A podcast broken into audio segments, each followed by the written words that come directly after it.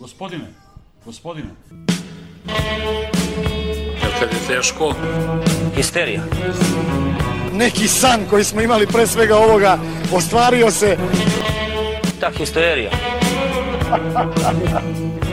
Doktor mi kaže, Kad kažeš da navijaš za partizan, to je histerija.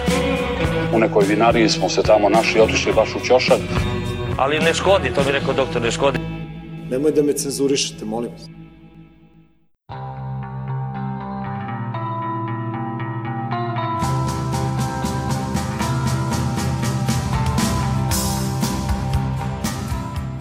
Histi sezona 5, epizoda 19. Ajde da vas pitam za početak, živjeli, da li smo za ovih pet sezona, odnosno četiri godine, napravili veću pauzu, a da nije bio raspust? Pa, možda. Nisam siguran. A, bilo, je, bilo je ono kad, kad niko nije tu i to, a bilo je i kad je pandemija, pa je bilo onih nekih ko zna šta. Dobro, ali, nije bilo vanredno e, stanje. Evo, a, a da pitam ja tebe, teme. A da li je bilo a, niz pet poraza u košarci? Bar u doba Saša Filipovskog. Pa u, do, u doba Željka Obradovića čitave njegove karijere nije bilo. Da, ali pitam u doba Bi- Histija. Bilo je, bilo je sedam, ja mislim da je, da je crni, crni niz. Pod veganom. Uh, Ne, kažem za ovih Kombinacija Vladar Šćepanovića pet i... sezona. da. Nešto mi u glavi da je sedam. Znači, I meni isto. Trinki, Trinki, Vlado, pa ovaj, Saša. Oko, Trinki nije imao sigurno. oko one krke gde smo izgubili 19 razlike, mislim da je bila serija od 7 poraza, ali dobro, A da li je u svakom bilo... slučaju nismo putovali na Da li gostovanje je i nismo trošili... crna serija da odemo, da odemo na, pošto ono, ajde, one, on, onu prvu smo već komentarisali, to nismo gledali jer se zna gde se igralo i ko je domaćin, ali sledeći četiri smo bili prisutni, Ove, tako da imate magarce sa lica mesta, a čućete i on the road. E, a, Doduše samo iz D Monaka. da, samo baš kad, monački kad si road. postavio to pitanje, baš, baš sam nešto razmišljao prethodnih dana o, između ostalog i ovoj dinamici snimanja i dinamici praćenja ove Partizana i činjenica je da je ova Euroliga stvarno nenormalno, nenormalno ovaj, usložnila i, i igračima, ali boga mi i nama navijačima, pa i nama za histi ovaj kalendar. Ja se sećam pre, imali smo onaj termin ponedeljkom, nedeljom popodne ili ponedeljkom popodne smo snimali, u zavisnosti da li je ovaj, futbal i košarka, da li je subota ili aba, nedelja. Uredno. Sad ti to, da, sad ti to ne možeš. Ili deca hoće da se druže sa Zakom Ledeom. Da, ovaj, i onda imaš duplo kolo, pa razumeš, ono, sad evo i futbal kreće, tako da nije, nije čudo, kažem opet, što, što smo napravili pauzu koli, kolika je već bila. Što Ovo- se i pravdate, momci? Ovo nije bilo prodavanje, uh, ovo nije bilo pravdanje, nego samo jedna interesantna trivija pre nego što uđemo u sadržaj. Sa ove košarkaške strane to već pomalo zaboravljeno duplo kolo, odnosno duplo golo na putu. Split, verovatno najsramniji poraz u ABA, li, u ABA li, ligi od dolaska Željka Obradovića. Druženje sa Zakom Ledeom, uh, Bursa drugi deo protiv Bajerna u prošli četvrtak uh, i Gokeja. I prekid tog neverovatnog niza, evo Milenko je rekao, najgori rezultat u seriji, najgora serija u- Željko Bradovića od kada se bavi trenerskim poslom. Što dovoljno govori samo za sebe. E, sa futbolske strane, da, nismo obradili sam završetak priprema na Kipru, koji je baš bio u skladu sa cijelim pripremama i lokacijom I klubom. I, i renomeom kluba trenutno. I tako dalje i tako dalje. Imamo finiš prelaznog roka, uključujući i neke realne odlaske i najavljene dolaske čak i danas. I imamo ovu ligu mladih koju smo najavili, koja ovaj, se nije sjajno završila po, po naše mladince i konačno nastavak e, sezone, odnosno utakmica koja je bila pomerena e, koja je trebala da bude završetak futbala zvaničan u 2023. Ja moram da se izvinim ovim mahirima iz Futbolskog savjeza Srbije, jer kad su pomerili onaj decembar, Ivanjici na februar i to prvu polovinu februara rekao sam evo novog pomeranja, ali bio je jedan baš onako lep prolećni dan i super izlet. Ali Da, te, teren i ne baš. Pa Pa to, dobro, to sam htio da kažem, vjerojatno su svi očekivali sneg do kolena, ali nismo imali to, imali smo teren koji kao da je ono permafrost koji se od, odledio. Pričat ćemo o tome, ja u životu mislim da nisam video gori teren na kome se igra po dobrom vremenu, u suvom vremenu, 20 stepeni. U svakom slučaju, rangu. nijedna prva liga, verovatno ni u Africi, nema takav teren. Baš super liga. Živeli ljudi, idemo sa džinglom, pa Žili. se bacamo na futbal. But this is Jedan, dva, jedan, dva,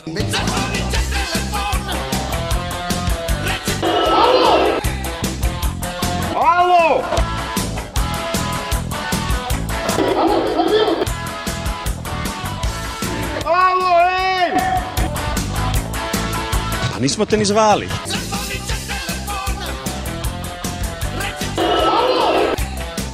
Future is all important.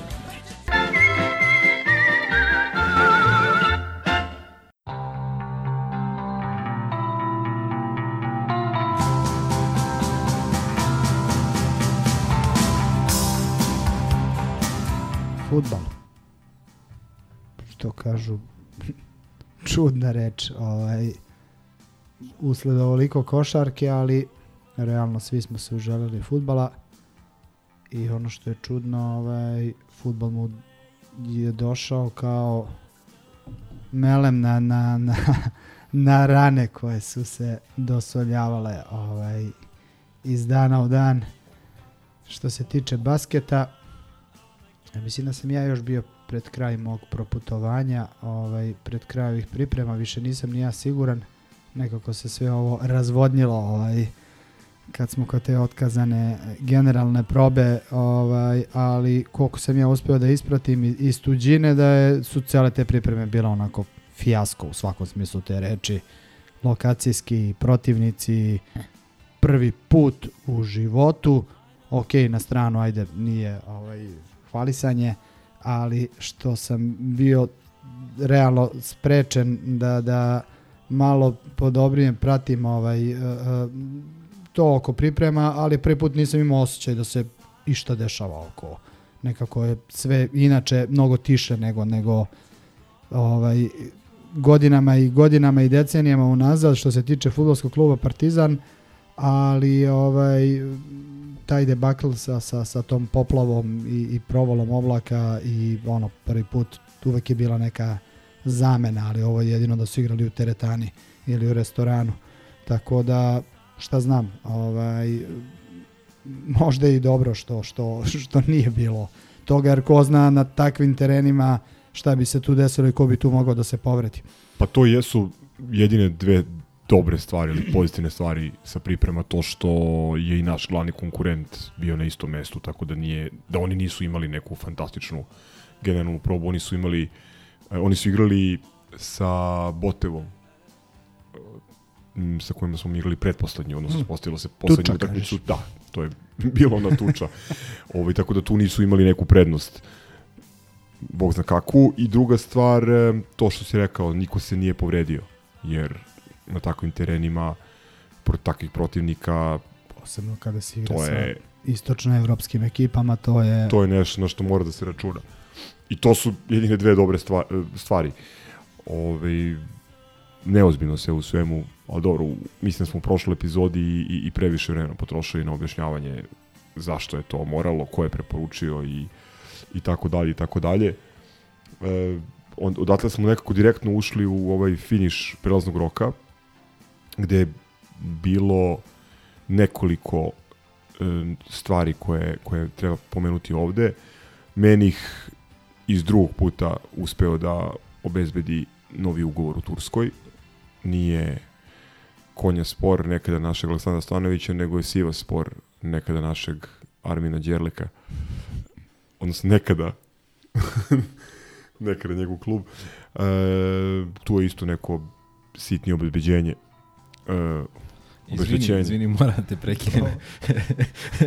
Pade mi ovo ideja za jedan ono kviz da napravimo ove turske, ono, i, kao u, u slagalici, da spojiš one dv- dve kolone, pa bivši igrači Partizana i klubovi u Turskoj za koje su nastupali, ono Jevković, Evo, imam jedan, imam jedan koji konja. sigurno neće pogoditi niko za stolom. Antalija Spor, Siva Spor. Nikola Terzić, gde je igrao? Pa on je oni drugoligaša. Ono. Pa dobro, Pa- znam ja da je drugoligaš. Pa ne znam gde znam turskog, drugoligašu. turskog drugoligaša je. Dobro, ali da te pitam gde je igrao Uroš Trifunović kao junior, to bi znao. Pa dobro, znao bih to. to je, znaš, ipak, ipak je prva liga, znaš. Šalu na stranu, ali stvarno me, uvek me nikada nisam mogao da, nikada nisam mogao da zapamtim, ono, da li je Konja sport, da li je Antalija sport, da li je, ali bukvalno deluje mi da ima 20 istih klubova, ono, ok, Bešiktaš, Galata, Fener, Trabzon i 16 ost, ostalih od 20. Kao, kao u Izraelu, ono, Makabi Da, da, da. ili, ili Hapoel, otprilike sa, sa svojim nastavcima. Ajde, eksperti za Tursku ligu, pošto pojma nemam. Da li postoji prvoligaš iz Batmana, to Batmana? To je onaj kurdski kraj tamo skroz na... Ja mislim da je. Kurdima najbliži Erzurum spor. Au, brate. Kako nepotrebno znanje. Da. Ali pitanje da je Erzurum i dalje prvoligaš. Ništa, Kumića nek se javi. Bilo je ona, kako se Van zove ona, je bio. Adana, Adana. spor. Adana, da. Mislim da su oni tu blizu granice sa... Neko od tako njih je da. ono, Istočna Anadolija. Znam, znam zato što je uh, Kuki je tamo Kuki je tamo jedno vreme proveo. Aha. Naš drugi Slavuj. Kao Dobro. košarkaški menadžer. Ele, Dunjica će, Dunjica će da nastavi stazama, odnosno in the footsteps of Armin Đerlek. I, i, I moram da dodam, ako pitamo većinu navijača Partizana, većina je u fazonu ćuti samo kad Vadi, vadi stiker. Naravno. Bukvalno, ali dobro. Mislim, ono, hvala mu, za, imao je ovaj, A evo, iz glave tri situacije, gol Sparti Prag, Prag, da. u Pragu, onaj volej proti Kolubare u decembru 21. dok smo još bili na prvom mestu. Ja bi dodao i debi na, na, na, na Kipru i počeo je golom. Ovaj, pre, E, tako je. Tako da imao, nije, mislim, opet e, nije pružio ono što se... u o- Vojvodini sam teo da pomenem. dosta lepi golove je dao. A i, i u odnosu na neke druge igrače koje ćemo možda više pamtiti po nekom dobru, dao je on solidno da kažem bitni golova, samo je igrao ono u, u crnoj rupi od perioda i dobro je on imao amplitude, Ogromne oscilacije imao i je. drugo mislim da je ljude fr- frustriralo to što je imao prilike dva neka popularno nazvana signatur poteza koja je koristio stalno u svakoj prilici, čak i kad to nema ne- preterano smisla i to što je za nekoga ko je završio famoznu Ajaxovu školu po- poprilično, Prvu najbolju kažeš, ovaj, a igrao Tehnički je poprilično neobučen. tanak. Da, pre svega Strašno, prijem da. lopte i onaj Da, da. prvi for je obično ovaj, bio wow, u E, ali, ali glavu. to, znači, e, ne mogu da, e, da se setim još jednog igrača gde je bila takva disproporcija uh, onoga što gledaš, ono, tih nekih fundamenata, prijem, lopte, dribling, ovo, ono, uh, koliko toga nije imao, toliko ima lepih golova i evro golova za pamćenje. Ne mogu da se setim još nekog primera da deluje mi da je dao pet golova i pet evro golova. Eto, taj, taj, taj neki utisak imam. Dao Da. je više, ali nije ni bitno. Mislim ono, što kažu, sve najbolje. Da, naravno, sve najbolje, pri čemu ovaj, nekako je ostao, neću kažem nedorečen, mada jeste i nedorečen, mogao je na derbiju nekoliko puta da se proslavi, ali ipak debelo u senci onog incidenta u Subotici, čemu smo prisustovali uživo i, i o čemu smo govorili Da, ali opet, mislim, O čemu smo pričali na benzinskoj na pumpi? benzinskoj pumpi, tako je. Na benzinskoj stanici. E, osim njega, e, danas su potvrđene još dva odlaska. Šehović isto izvedit će ćuti samo kad ode. drugi put odlazi iz Partizana i to nakon svega nekoliko dana nakon jednog um, dosta onako kritičnog nastupa u Ivanjici gde je u poslednjih 20 minuta menjao Antića koji je dobio crveni, odnosno popunjavao rupu s leve strane naše Mislim- odbrane gde je Popunjavao je pregruba reč. komentarisali smo i uz pečenje i, i, i na putu ka Beogradu da je u poslednjih pet minuta napravio tri kardinalne greške, uključujući i jedan penal koji nije dosuđen samo zato što igrač Javora nije pao nakon kontakta, ali ono je bio čist, čist penal. Ovaj dečko očigledno očekuje veću minutažu, ja značajniju ulogu i to ništa nije sporno.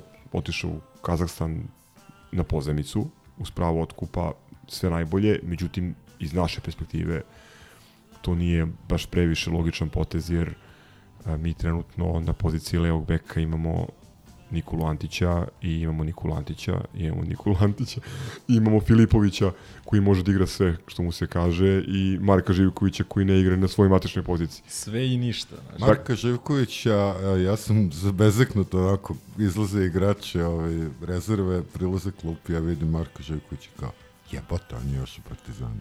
Potpuno sam zaboravio na momka. Tako da s te strane poprilično ovaj, čudan potez, osim ukoliko sad ne dovedu nekog iznenada. Očigledno on tebi ne znači mnogo, ali Viliju i tekako znači. Da, da, da, bili je bio. Njegov omiljeni bek. Stari, stari bot. Zato što je bio parnjak Miljkono i je to jedini razlog zašto mu je bio omiljeni bek. Ali dobro. Takođe potvrđen odlazak em, Janka Evremovića u Kolubaru. E, ne znam šta To da mi je kažem. tek ono VTF. Pa jeste VTF u smislu da, da je on prošlog proleća u onom periodu kad je Diabate kao još bio prisutan fizički, ali bio u nekoj, u nekoj vrsti belog štrajka, što je on stvarno delovao ozbiljno i kao igrač na koga može da se računa. On je od svih ovih klinaca koji figuriraju ovaj, za, za potencijalne bonuse, on je, da kažem, bio prvi na listi da napravi neki iskorak u seniorski futbol, međutim imao je stvarno ovaj, nezgodnu povredu kolena i potpuno je pao drugi plan, išao na pripreme, tamo nisam siguran da, da je bilo šta igrao. Ono što je bilo interesantno isto da nije igrao za omladince u, u Ligi mladih. Ono što ne, ne znamo pouzdano da li je kazna njegova za crveni karton važila i sada protiv Brage, mada on je preskočio on je kapitan te generacije, on je preskočio revanš protiv šerifa. Tako da, ovaj, u svakom slučaju, očigledno da, da nije duljaju ni, ni- planovima. Nije u planovima Ozbiljno. Malo ih se nagomilalo na, na, na toj na, poziciji. Na toj poziciji, malo više. Da, s tim što, ok, razumem Kalulu, Severina, tu i tamo, mali, mali je stvarno ovaj, fantastičan prospekt bio.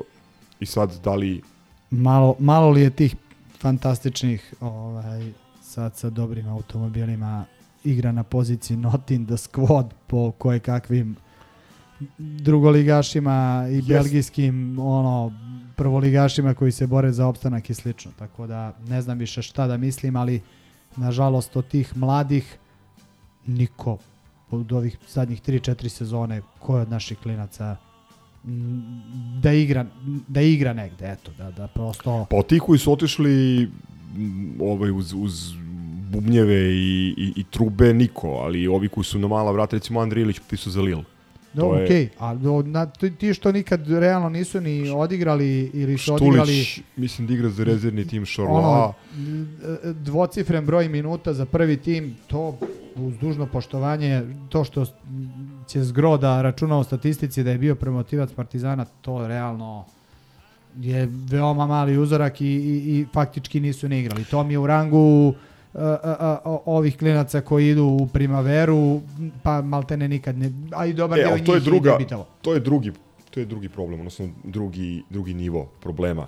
Mislim da klinci koji idu u primaveru, da su to klinci koji imaju potencijal za, za jaču ligu, imaju ne žele da potpišu ugovor sa klubom i onda klub traži neki, ili menadžeri traže neki način da da ovaj, oni ostanu u fokusu, a da ne prestanu da igraju kao Popović. E sad, e, o, ovo sa Evremovićem, meni je žao jer stvarno, ono što sam gledao tog malog, meni deluje kao fantastičan potencijal. E, ono što mi se ne sviđa je to što ispada da se vrlo lako ovaj, ajde da kažem, lako dižemo ruke od tih mladih igrača, dok su neki drugi imali, kao ranije pomenu- pomenuti Đerlek, imali onoliko Šansi šansi. šansi u prvom timu da, da pokažu, pa nisu vratili. Ovaj mali odigrao, mislim, ukupno osam utakmica, pričemu na par utakmica je bio stvarno dobar. Kažem, u tom periodu kad je Diabate krenuo da, da baguje, mali je bio okej. I posljednja, zapravo ključna stvar je ta što e, nisam siguran koliko će on moći u Koluberi da napreduje i da, da se nametne, znaš. I ne bih volao samo da je to u njegovom slučaju ono karta Ne, ne, ali baš u jednom ono, pravcu. bilo bi zanimljivo da neko popiše sve te klince koji su debitovali, koji nisu debitovali, ono, evo ja, aj, mogu reći da pratim, ali pojavljuju se tako neki ono naši bivši igrači koji su možda i odigrali neki minut da treba da izvučem iz, iz malog mozga, ono iz, iz, iz kičme malte ne, da se setim da je taj igrao, ne znam, ovaj potpisao za Lille, ovaj potpisao ovde, ono posle 3-4 godine, prosto toliko ih je prošlo, toliko su bili talentovani i ovo i oni, oni koji su igrali i oni koji nisu, to su ve- sad već desetine klinaca u zadnjih pet sezona. Znači, verovatno za jedno 3-4 tima na, na broj. Da su koje kuda po, po pola ove takozvane super lige, ono, osim ciganskih filijala, mada mislim da i u nekim ciganskim filijalama ne postoji klub osim ovaj, komšinice da nemaš bar jednog, dva igrača koji je u nekom trenutku debitovao ili igrao za Partizan. Prosto nevjerovatno. Mislim da upravo zbog toga Partizan, odnosno Partizanova akademija ima visok rating jer se računaju svi igrači koji su uh, aktivni ili prisutni u najvišem rangu nekog evropskog futbolskog takmičenja i onda kad to staviš na gomilu to bude 60-70 igrača koji igraju uslovno rečeno na top nivou. Koji žive od, od futbola. Pa, kažem. Da. E, to su odlasci, ako ne bude nekih velikih iznenađenja, tipa, nemam pojma, 20 miliona Za Saldanju. za Saldanju i Seko. Fenerbahča, da. A priča se, sad ne znam, moguće da se nešto desilo u, u međuvremenu kad smo ušli u studio, ali tokom dana je bilo dosta reči o ovom Urošu Drezgiću, koji je, uh, to je štoper uh, iz Šapca 2002. godište, rođen kao i Partizan 4. oktobra, koji je posle, ja mislim, dve cele sezone u Čukaričkom prešao u uh, Rubin iz Kazanja. U to onom naletu kad je Rubin krenuo da potpisuje onako sve što može da se potpiše u, u ovim krajevima i kad je Kitlica otišao gore.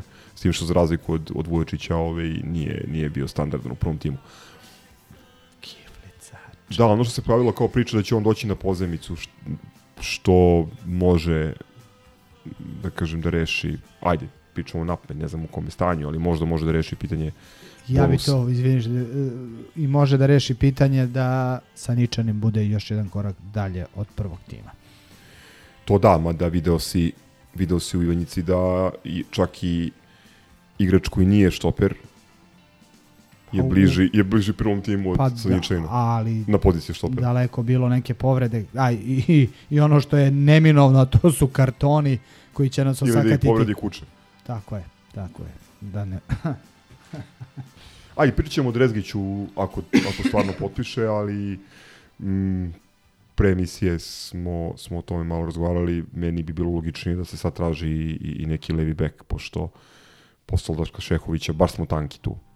A vidite da je tendencija da se pune igrači kartonima i ne znam koliko je pametno da i ovako tanku odbranu dodatno oslabiš time što ćeš da ideš na neka polurešenja i da improvizuješ sa nekim Aleksandrom Lutovcem naših dana na levom beku ili štoperu. Nemo reći dva put Lutovac.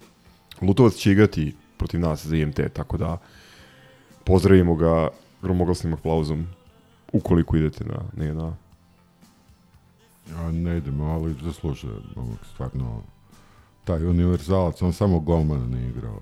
Neki imaju i dres. Da, ne, neki su, isku, neki su iskukali dres. Da, I to sa egzotičnog gostovanja. Dobro, ovaj, Liga mladih. Jeste gledali? E, ja jesam ja drugu veći poluvreme. deo, da. Nisam ono bio u prilici da pratim prvi, prvi deo prvog polovremena, nešto sam se uključio, ovaj, šta znam, ono, kao, što kažu, klasičan partizan. Ovaj, baci se po onom što ste mi vi ovaj, dopunjavali dok nisam gledao, dok sam se vraćao sa posla, ovaj, baciš to maltene polovreme, onda se primiš glup gol i onda se trgneš i stvoriš 3-4 mrtve šanse koje ne daš i onda na kraju stiže standardno kazna realno najrealnije po onom što sam ja gledao je bilo da se šutiraju penali. Nisu, mislim nisu. Ovi možda jesu bolji ovaj, Iskusniji su. iskusniji, fizički jači i slično, ali po ono što sam ja gledao, pogotovo u drugo polovreme i onih pola sata, Čekaj, a šta znači iskusniji u tom rangu? Mislim, u tom, Znači- toj starostnoj dobi. Znači da e, u ekipi Brage imaš igrače koji igraju omladinsku ligu, pričamo njihova omladinska liga je nešto geografski raspodeljena, znači u tom severnom regionu, gde igra i Porto, na primer, i igraju i ligu e, mladih do 23 godine. Igraju da, ali neko je izbacio između ostalog da imaš par njih koji su igrali protiv TSC-a i igrali Evropu to, i... pa ovaj mislim da je dao gol, onaj da. Čupavi, koji je najbolji igrač. A kod nas, između ostalog, i zbog onog problema o kome smo pričali pre, mislim, dve ili tri epizode, da je Vazura toliko duboko zašao u prodaju ove tih uh, te dečurlije iz, iz, iz, iz teleoptika. Nama je re- recimo drugog štopera igrao Simić koji je drugi deo 2007. godišta. Ubedljivo najmlađi igrač. Pričamo je bio među boljima na terenu, ali on je, mislim, u tom, u tom uzrastu tri godine, okej, okej, da, tri da, godine to- su to mi- ogromna razlika. Da, da, da. Ne, nego verujem da još nekog me će, da kažem, po znacima navoda zasmetati od slušalca, kao šta znači kad je, valjda su isto godište i to, pa... Pa, nisu isto godište, to, to, a i to sam nemaju, da raščistimo. Ono. a i nemaju, da kažem, ne, nisu imali istu vrstu izloženosti ili Naravno, prilika da igraju se, futbal na višem nivou. Ono što je kod nas takođe bilo vrlo upadljivo, pomen, pomenuo sam i Vremovića, to ni da Trifunović nije, nije bio u kombinaciji za timku, a njih dvojica su ubedljivo dva najbolja igrača e, naša ovaj, u, toj, u toj generaciji, uz Stjepanovića koji je bio kapiten e, omladinaca, što je onda potvrdilo naše pretpostavke da će Trifunović biti izabrani bonus za, za Ivanjicu. Ali eto, to, to, znači, to je bila potvrda da je u klubu ili u kancelariji Igora Dulja doneta odluka da je bitnije da pobedimo Javor nego da omladinci prođu u osminu finala uh, UEFA Lige mladih. Još jedna stvar koja je bila, koja je bila interesantna na utakmici, u prvom pogledu smo bili nekako bojažljivi i, i slabo povezani i fakat da je, da je Braga bila dosta bolja. U nastavku kad smo spustili loptu na zemlju mislim da je, da je Partizan bio pa bio je rano provan, čak mislim da je u nekoliko situacija bio, bio bliži, bliži golu. Onaj nevjerojatan promašaj Jovanovića, Malo, malo, još na 0-0. da, ove, onda i, Odmah Mislim, posle gola je Mirčetić, bila isto jedna šansa. tako je, Da. sledeći napad posle Sledeći gola i onda o- ovi su, kad smo krenuli sa svim dobro, ovo snagama u napred, dali su, nam, dali su nam gol, mogli su možda još neki, ali mislim, šteta, pošto o, ovo jeste malo takmičenje, tek 10 godina se igra, ali mi, mi smo kao klub odavno, uh, ja mislim, strateški bacili fokus na pod jedan prodaje mladih igrača, pa tek onda na, na ono, neki uspeh omladinske škole. Jer pogledajte samo, pa, ajde, u poslednjih 5-6 godina većina kvalitetnih igrača ili igrača koji pokazuju vanserijski potencijal idu direktno iz kadetske ekipe u, u prvi tim ili pri prvi tim. Tako da ovaj, mnogo je ređa situacija da neko iz omladinaca napravi onu e, staru tranziciju, logičnu tranziciju u teleoptik da se privikne na seniorski futbol pa onda odatle u Partizan. Ne mogu se setim kad je poslednji put neko išao ovaj, stepe, stepenik po stepenik. Ajde razmislite. Pa više su ovi matori išli pa se vraćali s teleoptika nego... Dobro, ali to je više ono stvar, stvar prinude neke. Da, da, šalim se nego, ali prosto ne, to je prosto Ne, ali nije. potpuno se izgubila ta neka, da kažem, logična progresija, nego ono, ako pokažu talenat kao Fića, Breskvica ili kao, ne znam, Vlahović ili sad ve- već ne znam ko, op, iz Baždar, iz kadarske ekipe direktno gore i onda eventualno igraju, sad su vraćene ove dupe registracije, pa neki od njih mogu da igraju mogu da igraju i, i seniorski futbal, ali tu opet postoje neke začkolje, sad ne pričam na pamet. U svakom slučaju, mm, nisam siguran koliko će momaka od ovih koji su igrali protiv Brage, na, na koliko će njih ozbiljno da se računa. Mimo ove Stjepe koji je već... Koji će da ovo mirišu prvi tim. uopšte. Da. Nadam se da levi bek neće. Čak i u ovoj situaciji kada levog beka nemamo. Ne znam da ste vidjeli intervenciju kod prvog gola Brage. Da, da, da, da, da. Ali dobro, to je i ono... e, Šalim se ja malo, to je deo učenja, mislim, to je... Naravno, ali to su stvari koje se češće dešavaju u prvom timu, tako da, da takvih golova smo se, bar mi koji gledamo Partizan, nagledali u našoj mreži, ono, Da, nažalost, si. desetine, tako da... Znaš šta je meni prošlo ispred očiju kad sam video ovaj taj gol? Šćepović, e, Šćepović, e, Šehović protiv Voždovca. Savo Milošević, njegova sezona. Onako smo izgubili, mislim, mislim da je onaj Dević dao gol treći Jest. za Voždovac. Jest. Hteo je da ispuca kontra nogom, nešto mu je prešla. Ja to, da, mislim, znam na koju utakmicu misliš, tad sam isto ovaj, bio ubeđen da ćemo da dobijemo, to je posle onog dobijenog derbija, možda čak i prva ili druga, pa prva na JNA, ono kad smo dobili Cigane 2-0 i, i ovaj, nisam to gledao, pratio sam i očekivao sam da ćemo da izgazimo, ono je bilo tipa 1-3 ili tako nešto. Ovaj, ono kla- klasično ruiniranje i vraćanje u surovu realnost, ali dobro. Tonac, Ivanjica. Ivanjica, pa recimo predivan prvoligoški dan. Kakva država, takva prva liga. Ovaj, a, ja nisam nikad bio u Ivanjici, ne bih sad da davim sa putopisom, ali vrlo onako simpatično mesto, Bogu iza nogu, bukvalno ovaj, na, na nekih 500 metara nadmorske visine. To se primetilo, pošto bilo lepo vreme i onda čim krene malo, zalazi sunce, počinje hladnoća i onda počinje vetar koji je u drugom polu vremenu bio oko ozbiljan faktor u igri. I sad tu je sve, tu su oni a, plakati old school sa oni upisati ime protivnika, upisati cene karata i, i zaokružiti prvenstvo ili kup. Ovaj, a sad to, to su oni kao zašto treba ići na gostovanje, mnogo, mnogo to sve lepo. Ovaj, što se tiče same utakmice, ajde da pođemo baš od gostovanja, evo još jedno gostovanje koje a, je potvrdilo da i ova sezona što se tiče a, gostujućih izdanja navijača Partizana nešto izuzetno. I ono, sve više, ja odavno nisam jedva čekao neki večiti derbi u futbolu, ali ovaj, onako gorim.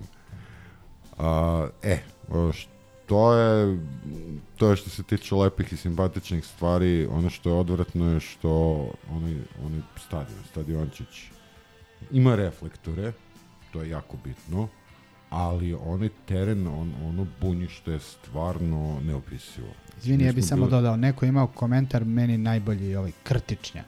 Pa jest. Pa ja sam baš rekao, ovaj šef ima krtičnjak na, na svom travnjaku ovaj, Da, sećam se u, u fotke. Krčivcu i to i dalje bolji Izgleda bolje. teren. Bolje Da. izgleda od, od terena u Vinji. Negde baš, mi smo stali iza, iza naše klupe, to jest sedeli u prvom polovremenu, koliko, koliko si mogao, pošto ono, on su minijaturna mesta i nabiješ kolena onako da bole, posediš sa strane, na kraju smo stajali. Jer ima naravno neki mrtvi ugao, ono, zajebalo i voždovac što se toga tiče. A Ima, baš mok, tu, ima mokri čvor gde, recimo, vrata da, ne, ne mogu, ne mogu da se otvore. šolje. Fantastično. Ovaj, ali a, baš tu negde u visini naše klupe se lepo ono vizualno videlo kako je bunjište, kako se raspada teren, to, to nije ni busenje, to je krtičnjak bukvalno. Onda to, to se videlo verovatno i na prenosu, kogod šutne loptu, tu poleti pršina i peska s tim, ja ne znam šta ono, neverovatno, kao, od, osjećaj kao da igraju sa četvrtastom loptom, eto, to je. Neshvatljivo je. Meni je teren, kažem, ovako nešto, ovako loše, po ovako dobrom vremenu, ne pamtim da sam video. Čak i u našem futbolu. Podsjetilo me na one e, rane, na ona rana izdanja Afričkog kupa nacije, pa kad se igra u, u Agadugu, pa imaš to, ovaj, te terene ovaj, bez, bez trave. Ovde da neko je od ovih ljubaznih domaćina rekao kako kao tri dana nisu trenirali na glavnom terenu da bi teren bio uslovan. Pristojan. Pri čemu ja sam... bio je približno loše, onaj, to je mislim bilo pred dve godine ovaj, u Nišu, Da, pa da, smo to da pričali. kažem Niš, da. Pričali smo Da, o ali tome. tu je bilo lošije vreme i tu su očigledno dodavali pe, e, pesak namenski da bi... I kvasili, da. Da. Ovde isto radio šmrk, znači ne obič, obična prskalica, nego pravi E pravi da, šmrk. na, nača stvar je što postoje automatska prskalica. U, u tom sranju od terena izlazi, izlazi neka prskalica gigantska i zasipa ono pravi. Ali mislim da sudi u prenosu mogu da vide da drenaža nije sjajna, pošto u prvih 20 minuta svaki kontakt sa loptom na zemlji je značio da se diže ono i voda i, i prašina i, i pesak i sve živo. Ono sigurno nije poravnato. I ne znam kako bi izgledao teren da je bila kiša kao na onoj utakmici u Markovoj sezoni kad smo u 89. minutu kad je Đurđević na drugoj stativi dao gol za 1-0 ili da je bio sneg kao što smo svi očekivali da će biti jer u, u, na goli u ovo, možda da bude sad za vikend. da, na goli u ovo doba godine zna se kako je vreme. Ove, ono što je dobro, e, da, rek, Crk je rekao, veliki, tekma, veliki, Da, tekma prava prvoligaška, ono, batina, tri čalme u, u prvom poluvremenu. Ove, tri prinudne izmene, Da, tri prinudne izmene, užasno tendenciozni 7 minuta produženo prvo, polu, prvo poluvreme. Užasno zbog- tendenciozni sudija, neki Čipričanin, si zapamtio kako se preziva. Marko Mislim, Nije ni bitno, nećemo ga Marko Ilić, izvinjam se. ni reklamirati. Ovaj, to je, to Iz je- Ćuprije, to je najbitnije. Da, iz Čipričanin. Ovaj pozdrav za, za, za, za braću iz ovoga, iz Parećina. A, dakle, Natko dobija zbog prigovora, a Antić je dobija dobio zbog prigovora. Dulje dobio zbog prigovora, Antić je dobio zbog prigovora. Pre. Ne zbog starta. Prvi je dobio zbog prigovora. Ovaj drugi je bio ništa sporno, zaista, tm. Ali ovaj prvi isto zbog prigovora. Pritom oni nas krljaju, a nema tu žuti karton. A ne, Brazilac njihov je trebao da dobije crveni karton u 35. minutu. To je- trebalo da dobije sedam žutih. To je bio recimo, konsenzus i na, na zapadnoj tribini, na licu mesta, da je Pinto, da mu je dva puta oprostio bez preterivanja Ne, ne, on- ono, znači, ajde, nešto može i da se pogleda kroz prste, ali uh, imao je zaslužen žuti karton i, i drugi koji je oprošten je bio zasluženiji od onog prvog za koji je dobio. Tako da, realno trebalo je oni da igraju sa 10 igrača bukvalno šest, ono, 75 minuta sa onim produžecima. Evo, sve ovo što je Crk pomenuo je zapravo sjajan rezime svega što futbolski klub Partizan može da očekuje u ovoj polusezoni. Katastrofalan teren, motivisan protivnik, ništa sporno, stvarno ništa sporno i, mo, Motivisan i posebno delegat. motivisan sudija. Motivisan delegat, to je četvrti sudija koji dolazi do naše klupe da se svađa, mislim, alo. Da, popi malo vređalicu. E, ali tu, tu mi imamo jedan novi adut koji moram da pomenem, to je uh, Marija Jovanović koji ovaj, onako uh, već je pronašao ulogu, ulogu u služnom štabu kad su u pitanju uh, bezobrazne čete sudije i delegati. Tako da, ovaj, ništa, ne dajte se pasivnim sinovima i svaki put kad ne valja, bez obzira ovaj, da li smo pobedili sa golom dva ili tri razlike, žalite se, braćo.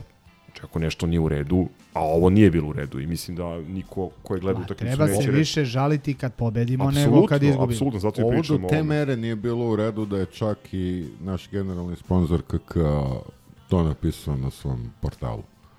Što je baš ono... Da, to nas je, sad, sad malo iskačeš, odnosno preskačeš na stalne rubrike, ali uh, bukvalno nas je zapanjio tekst uh, na MOCZ-u gde je cela stvar sa, sa tom kartonijadom ove, stavljena u kontekst i, i, i vrlo ovako interesantna situacija da Partizan nakon što je još i Senas ostvario onu najubeljiviju prednost na tabeli, da u tog trenutka se dramatično menja sudeći po broju kartona, sudijski kriterijum i kao posledica toga, evo recimo Natko, Pa evo ono što posle još jednog žutog zbog prigovora neće igrati protiv IMT-a, na primjer. ono što je najzanimljivije, sada više nema ni Belića koji je bio ono, čovek žuti karton, pa je još gore. Mada ove sezone je bio Ne, ne, dobro, ali, besprekoran. ali, ali realno, ovaj, sramota, baš sramota. Ovaj, ali dobro, što kažu, bolje se navikavati od prvog kola, imamo još 16 utakmica do kraja, znači, ajde, 14 utakmica i dva derbija, ovaj, treba se navikavati, sve će da bude gore od gorek. Tako da, da Ok, Ovo je- Vratimo se na teren. Da, ja sam ti još dve stvari vezane Ajde. za teren da kažem. Prvo, um, još jedan žuti karton koji nismo pomenuli, to je debitanski nastup i debitanski žuti karton za Obusua, koji, aj ne znam, Zaslužen žuti karton. zaslužen. Vi ćete mi reći šta mislite o njemu. Uh, meni se čini da on um, da, da je njegova upotrebna vrednost, ja tako da kažem, na ovakvom terenu vrlo ograničena i videlo se da ima pro, ono, ima ozbiljne probleme da iskontroliše loptu. Međutim, sidalo mi se, o tome smo isto pričali u prošloj epizodi, fakat čovek je spreman i on je u istom intenzitetu ispratio utakmicu 90 minuta. Čak je ovaj, u tih poslednjih 5 minuta kad je Javor pokušao da dođe do iznenačenja, on nekoliko puta onako agresivno izašao baš visoko i napravio neke pa, pa, pametne faulove i ajde, Javor nije merilo, onaj teren definitivno nije merilo, ali mislim da da je to jedan igrač koji će nam značiti. E, tu smo se malo sporili još tada. Ovaj, e, ne bih baš sve pripisao terenu. Moj prvi utisak a, da, je- da je on Kanute 2. Samo fizički spreman. Došao je fizički spreman, Kanute nekako nikad se nije spremio. Ali ima, ima znači, jaki kao bik, ali ima sklonost ka rizičnim driblinzima nepotrebnim ispred svog 16 i ka rizičnim dodavanjima. Ove, što znači, zna futbola, ali neš, ali bukvalno ista stvar mu fali u glavi kao kanuta. To je ono što Vidi. me nervira, ima od 20 igrača. Postoji razlog zašto je igrao u Vancouveru, Ne, dobro, Izraelu naravno. i Norveškoj. Naravno. Ali mislim da mnogo bolje čita igru od Kanutea. Vidjet ćemo protiv nekog boljeg protivnika i na boljem terenu. Ja mislim da on, da on može da pruži nešto ovoj ekipi. Naravno, to ne znači da da ovaj gubitak Belića nije ono i dalje Ma jedan kako da ogroman problem. to je, to je zamazivanje oča, svako ko kaže, vidi, doveli smo drugi igrač. Ne treba ti drugi igrač. Ono što je valjalo e, na terenu je malo čas spomenuti Filipović, koji je prvi put u Partizanu igrao na poziciji štopera. Igra na poziciji Lutovca, kad bi lagano kreće da, Da. pokriva sve Ali više dobro, i više E, ali nije on je igrao u Bateu. On je u Jeste, Bateu on igrao. kad je, Šalim se, ali- kad je ali- došao, bila je priča da on bukvalno ovaj- može da, da pokrije ovaj, sve pozicije pozadi. Ovaj, I to je solidno izgledalo, ono... Opet uz ogradu da je u pitanju Javor Da, da. iz Ivanjice, I- i- koji nije pa dobro. ofenzivno orijentisan, ali delovo je sigurno. Sigurnije nego, nego na poziciji beka. E, ali ja bih pre svega... Trifunović, Trifunović. E, to sam hteo kažem. Prvo ih pohvalio njegov nastup, mali je bio odličan. Stvarno. Posebno u prvom poluvremenu u kome se nije dešavalo puno toga, ali ono što, se, što kada se dešavalo nešto konkretno, e, on je u svakoj situaciji bio taj koji je vukao loptu ka golu, imao jedno fantastično mm, Ono kada je onaj prolaz, onaj dribling uz, uz korner liniju peterac. sa leve strane i dobar je. Da, ono je nešto, prvo je izvukao da ne bude out, pa izvukao da ne bude korner, ono baš je čudo napravio. Na malom prostoru. Malo dalje od nas, pa nisam video ono, Dobar, dobar mali. ali baš, baš, baš fini pristup igri. Ove, što se tiče mladih, ovaj, eh, Stjepanović ima onaj užasan kiks, ovaj, koji je prethodio crvenom kartonu. Jeste, ali, Ovaj, ali- sam ponovo na snimku, zapravo pogledao sam nekoliko puta na snimku, ono je, mislim, teren. Verovatno zbog terena, da. Mislim, jako je bitno da, da mali ne padne zbog toga u, u neku depresiju. Nadam se da je, ovaj, da je jak uh, i nadam se da će igrati sledeću utakmicu nešto tako, čisto uhvati kontinuitet. Jer ja nisam gledao derbi jer nemam nerava, ali koliko sam shvatio bio je jako dobar tamo. Da. Ono što... A što nisi gledao derbi, ono što nisi gledao snimak derbi, to mi nije jasno. Ne, ne. Bilo mi je ono puno srce i to je to. Ne. Ono što je bilo... Kao, ne, izvini, izvini, Gazor, kao nerviraju me i na snimku, ne mogu da ih gledam očima. Pa ima, ima i toga, mogu ti reći. Gledao sam, gledao sam snimak onog derbija drugog u basketu koji smo dobili. Sad da li je to bila ABA ili ono. Kad smo mi bili domaćini. Čega u i dalje basketu? nervira. Molim? Da, ja, izvinjam se, ok, na, na mene, na Ajde mene, na mene sledeći tur, u redu. Ovaj, ok, tako da, šta znam, što se tiče, e da, Htio sam da treba pomenem... istaći, ne, ne, ko, koga moramo da istaknemo, ko je jedna od najbližih Pečenje. asistencija, I to, ali jedna od lice. asistencija, pa NN lice. Tako je, to sam ja. Za To sam malo ja, prodat i opet tri boda. to sam hteo bukvalno da vas ono Ja sam to htio prvo. Re- ja sam teo da sačekam, rekao, nije valjda da to neće pomenuti.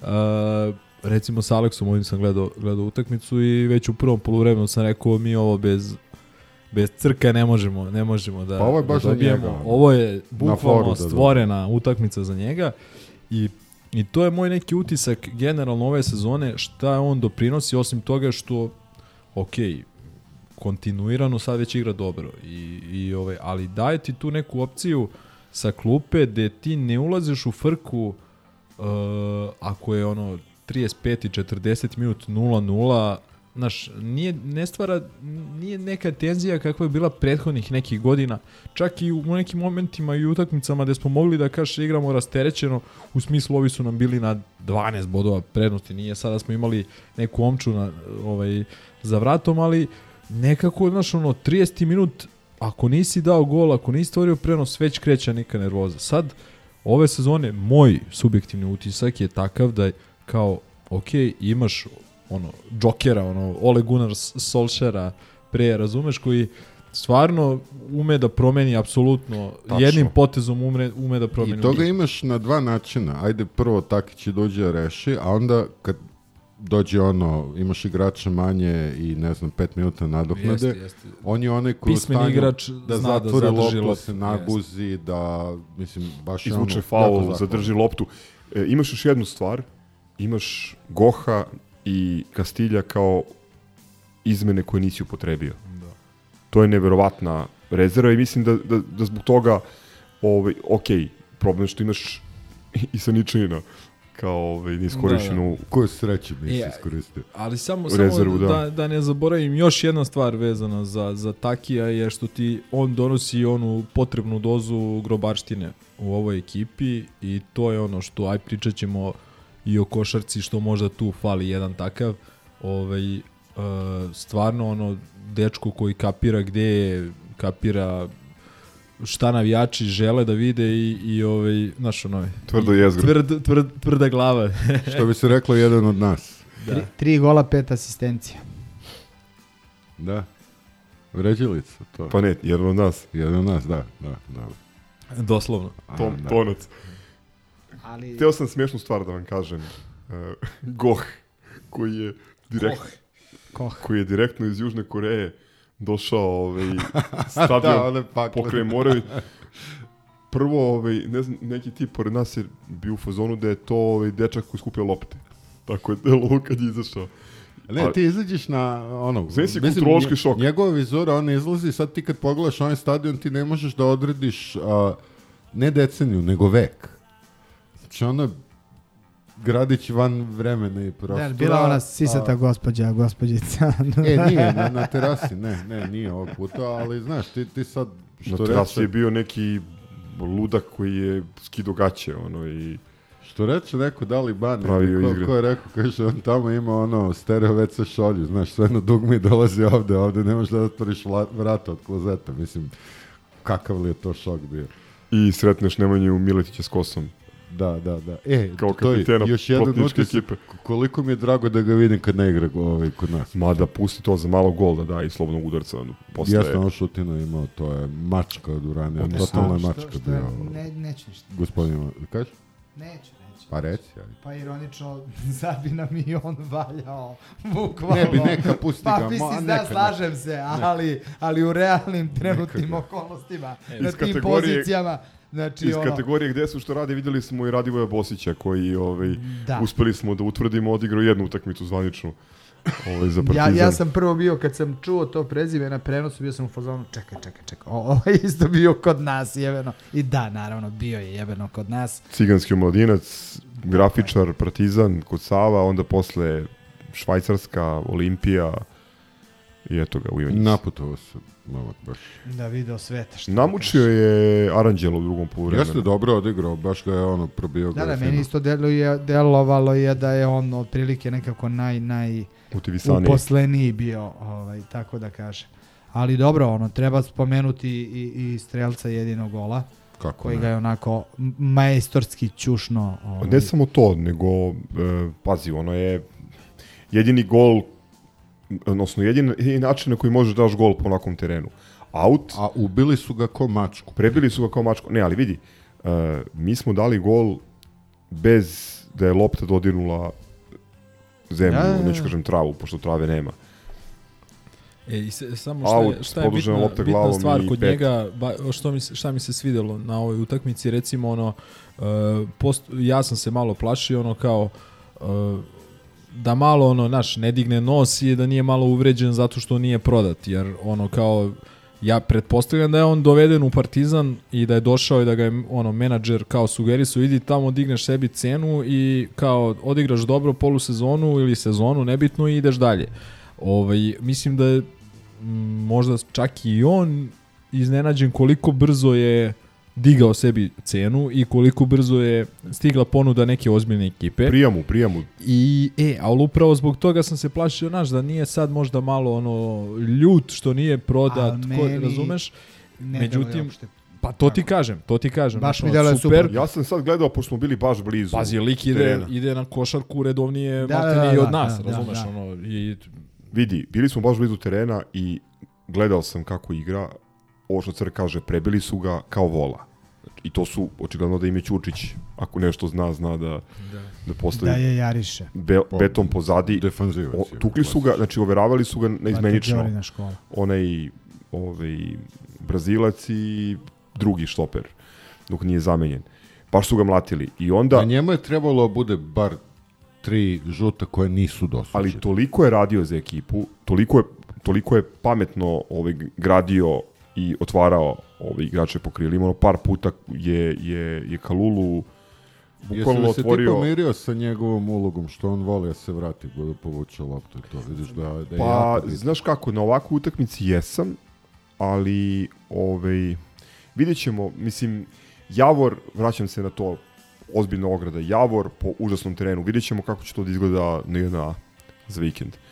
Mislim da... Ko zna kakav nam je teren, by the way. Da, A, dobro, sad je onaj, onaj hibrid, tako ali da... puno, da. puno tu majstora ima i znalaca, znalaca Da, da, ovaj, meni, na primjer, evo... i lepo je gledati. O, o, ono, ok, ali dobro, mislim da je tu do terena, ovaj, e, e, Gaja nije bio na, na, na, na, na svom ovaj, prepoznatljivom nivou, ali dobro, Pa s jedne dobro, strane... vidi po čemu je igrao. Pa ne, ne, to- naravno. To, Pre- to, pre- to, a, a, a s druge strane, mislim, jedan i drugi, ali s druge strane, dobili smo utakmicu možda i bolje da, da, Ali dobro, da imali, se čuvaju za... imali su dva majstora, ono jednu razmenu, u, to je bilo prvo poluvreme, fantastično. Ovaj, ali, ali sve u svemu, ja ono što sam napisao odmah čim se završila utakmica, sad ćete opet kažete da sam lud, ali utakmice kao što je ova i kao što je bio Novi. Pazar, pa bukvalno to.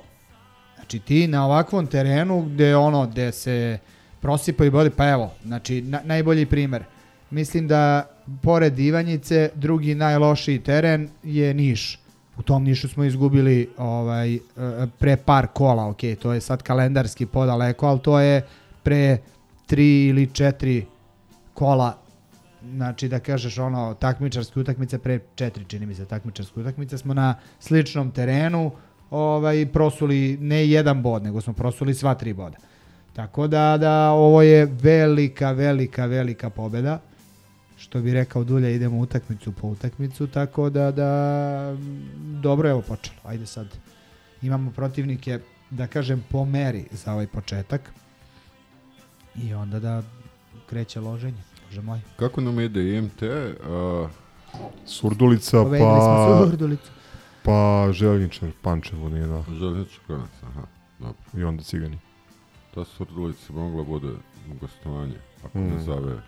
I ako ne bude ponedeljak u 3. Pošto ono što sam se ja Ne, iznenadio što da- nisu da- pomerili to za nešto- petak ili To ponedeljak. je nešto pred 29. tako. To je već prvi, drugi. Aha, e da, prvi drugi, da. Pa ne može, zato što... Ne, ne, pre. Ne, igraju se, pre. ne, ne, ovako je. Sad se igra samo vikendom. Ne igra se, ne igra se sredom, a e, derbi se igra 9. marta. Znači, računamo unazad drugog je... drugog, drugog, evo. 17. 24. drugi, Ne, ne, drugog Devet. Drugog je, da je, da je drugog je Pančevo. željezničar. drugog je železničar, 24. je 24.. sledeći vikend. Da. ovaj, Ajde je, vidjet ćemo kako vreme bude. Ali smo se raspričali. Znači, stvarno nam nedostaje futbol. Kako ne? Ili, ili izbegavamo da pričamo o košarci. Da, da. e, A, Nešto da, do ne, Ne, šta sad ide u rubrike, pa, pa montamo kablu. dakle, Ali jeste neobično da futbol vadi fleke i da potrošene Pa rezerve od- dopamina od- od- popunjavamo od, u od par sudulicu. puta pomenutog vegana se to nije dogodilo. ček, čekaj, što kažu, ovaj, ja ću evo opet sam Evo, go, Gogec pravi kalkulacije kako osvajamo titul. Ne, pa dobro, to ja to pravim kalkulacije od avgusta, ali ovaj ne, nego pogled na tabelu u futbalu. Mi i dalje ono prija 20 utakmica, mi smo bod iznad. Njemu je čaša uvijek polupuna. To. Pa dobro nije polupuna, ja to pričam i dalje Prel- mislim. preliv, nije polupuna, Ne, ni- preliva. bukvalno ništa me ne može iznenaditi u ovom prvenstvu. Ono, ajde sad, neću da trčim pred rudu, ali imamo realne šanse da uzmemo svih devet. Ne znači da ćemo ih uzeti, odmah se ograđujem, ali imamo realne šanse, protivnici su po meri, ne ono mora da se dobije, dobit ćemo, ali po meri koji mogu da se pobede, a Sad, ono što... sad bi Vili, sad bi Vili koji nam mnogo fali, u- ušao i rekao Nemoj se ograđuješ, reci lepo, reci osvajamo 9 bodova, stani za Dobro, svojih ne, ne, reči. ja, ne, ja, on bi rekao, to je nebitno. Dobro, Vili koji, koji, je, koji dalje u studentskim danima zamrzao je status, ovaj, čekamo da, da, da, zamrzao je godinu. da, da, čekamo da krene da, da sprema ispite pa da se vrati. Ništa, je, pusti njegov džingl pa da pređemo na košarku. Ah, morat ću preslažem. Damn. Ajmo na košarku. Pratite pažnju na listove Fakunda Kampaca.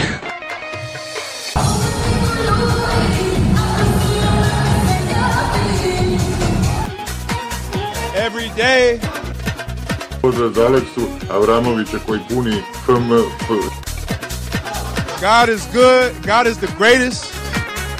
Vam koji kanal na svoju ABA ligu i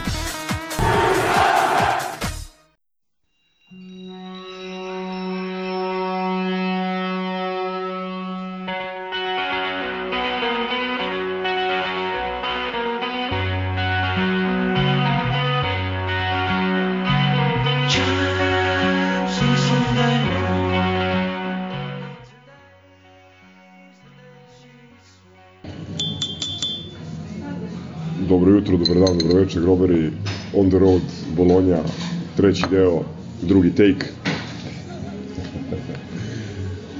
I kad crk šest, a, jutro posle, grazie.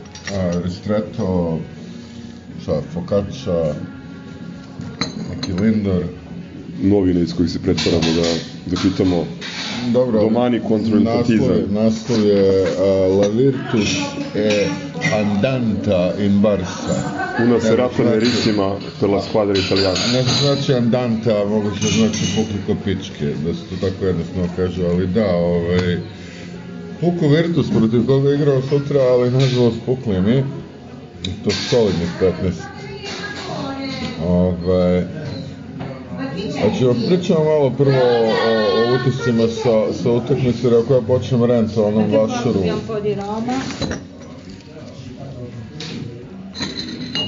Kažem, ako počnem rent onom vašaru, bojim se neću prestati uopšte. Tako da... Ništa ćemo prvo o utakmici, a onda... Pa, da, utakmica... Ovaj, zasluženo smo izgledali po meni, ovaj... Nismo se baš pretredno pojavili na tom terenu, samo je Panter i, i ovaj Kaminski zaista odigrali na, na nivou. Panter čak rekao da preko nivoa, ali to je bilo premalo. Ledej, uh, naneli su, je tu i nešto, ovaj, bili tu ostali kao da, kao da nisu izašli iz, iz ovaj, aviona. Ali, ne znam, ono, Aleksa su ispale bar tri lopte. Sećam, išao ali on žive lopte ispod u grupu. Smiley opet kao duh, ono. Ne, nekako mi deluje uh, tank, bukvalno kao da ga nema na terenu. Kasni, kasni na svog čoveka, ono, prema, kao što plaši se da šutne. Mislim da je i on baš neku krizu, ono, baš ono, plaši se da šutne.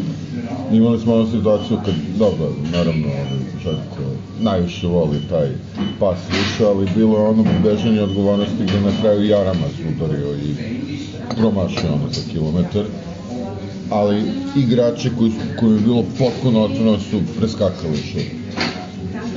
Tako da, ove, e sad, mislim, porez od, od Monaka po meni nije, nije kraj sveta. Ono, ono što brine više je to neko naše bledo izdanje.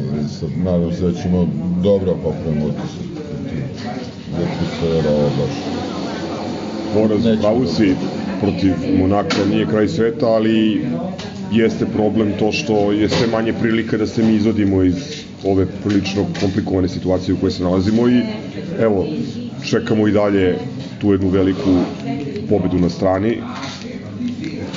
Ajde sa žetkom Valencije i, i Žalgirica, ali to smo, to smo pretresli. Treba nam jedna pobeda protiv direktnih konkurenata za, za najboljih 6, 8 ili 10.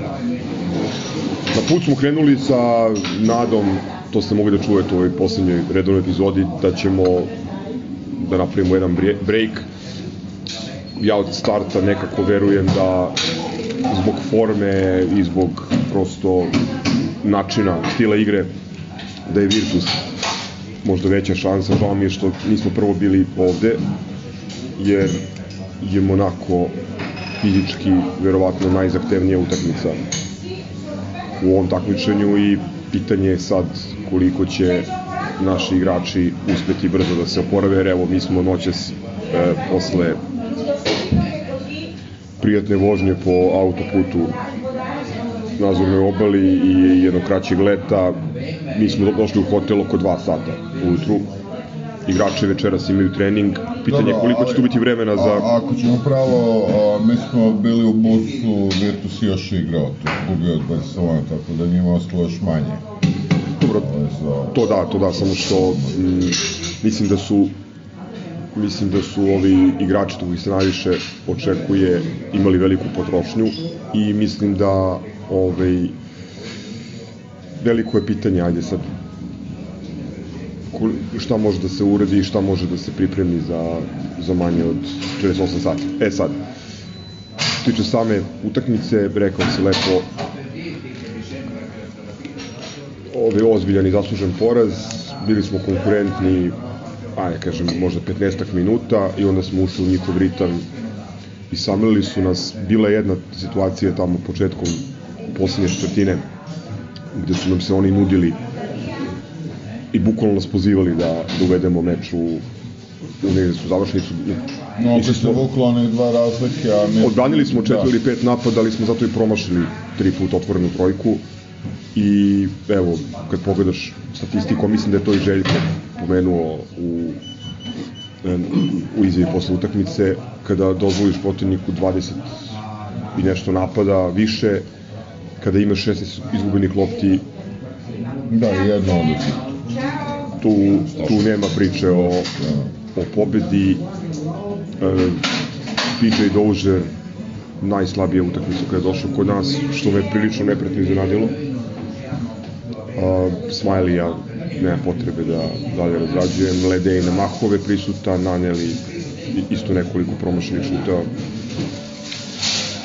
Ništa, idemo dalje i da se nadamo da će, da će to se dosta bolje izgleda.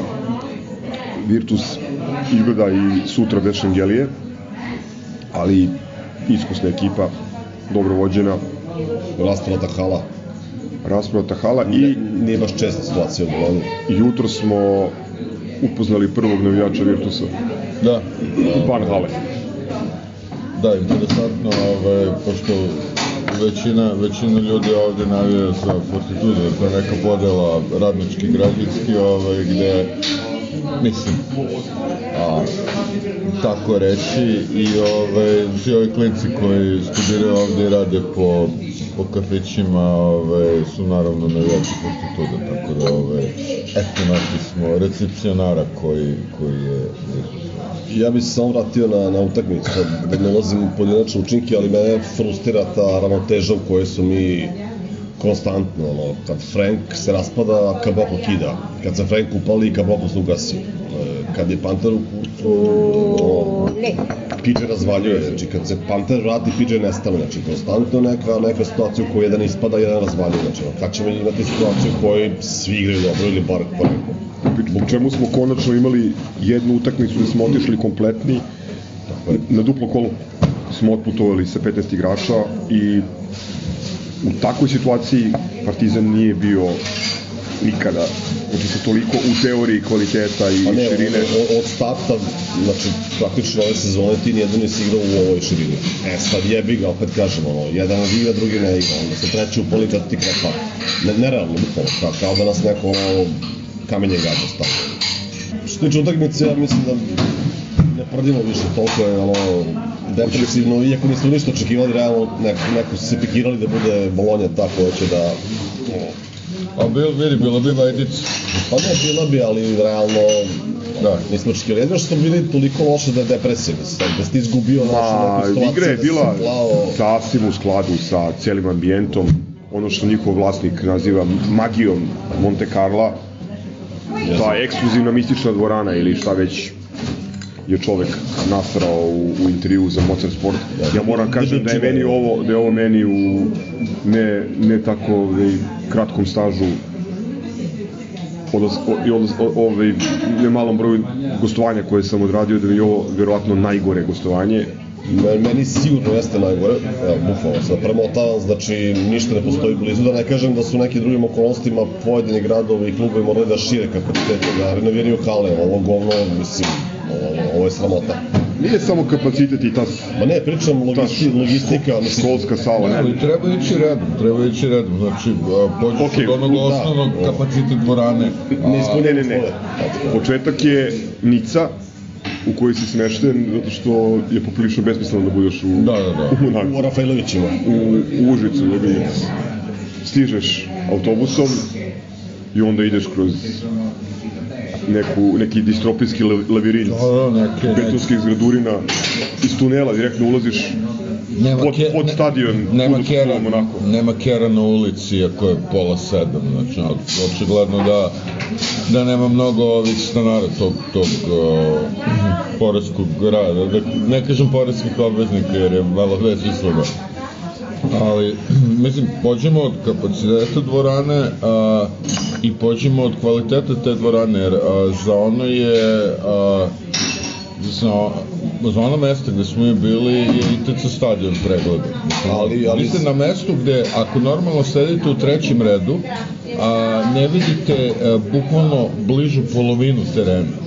Ne karikiram, bukvalno ne vidite. Ja sam, znači, stajao i glavirio nekom preko ramena, znači bio u prvom i po redu i a, video sam obruč većinu vremena. Ja nisam, ja nisam iskreno, stvarno ja sam bio u trećem redu, znači ja nisam gledao prvo vreme na, na košu, pa drugo vreme opet isto, tako da Mislim, to realno nisu uslovi za Euroligu, to nisu uslovi za seosku ligu, pošto ti naplatiš kartu 50 evra Ne, ono i je, ne te, ideš po terenu. ono je teška tikvara, ono je teška bačka Ne, palanka. je. Ove, ali, e, ajde malo da se vratimo unazad. Dolazak, potrudili su se da nam stave, da obeleže poruku na srpskom, srpskom gde treba da, da se uputimo, međutim, prilični, prilični haos. Da li, Da, posto, da li postoji da, da, spisak da. ili treba se podignu kart, tako da smo tu izgubili neko vreme. Onda najsporiji pretres koji smo imali prilike, od koji smo pošli u ne znam koliko godina nazad. I najbezobrazniji. I najbezobrazniji i po, s posebnim a, akcentom na dva psa koji su njušili ljude jedno po Postroji se, jedno. postroji se u kolonu, onda te njuška cuko, onda cuko ode, onda... Te njuška pandur.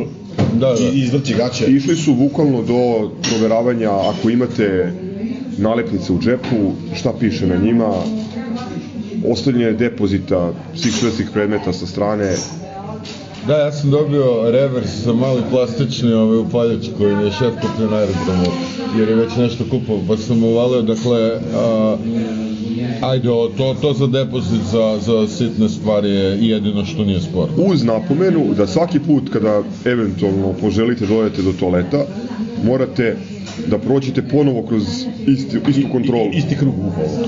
Dok u jednom trenutku nisu procenili da nam možda ne treba ovaj, da nas puštaju u toalet, pa su zatvorili vrata. Ne, oni su, znači, kad je počela treća četvrtina, oni su u jednom momentu rekli da WC ne radi više. Ja kad sam pitao šta jebeo ne radi WC-a, lik samo vikao finiš, finiš. Umorio se.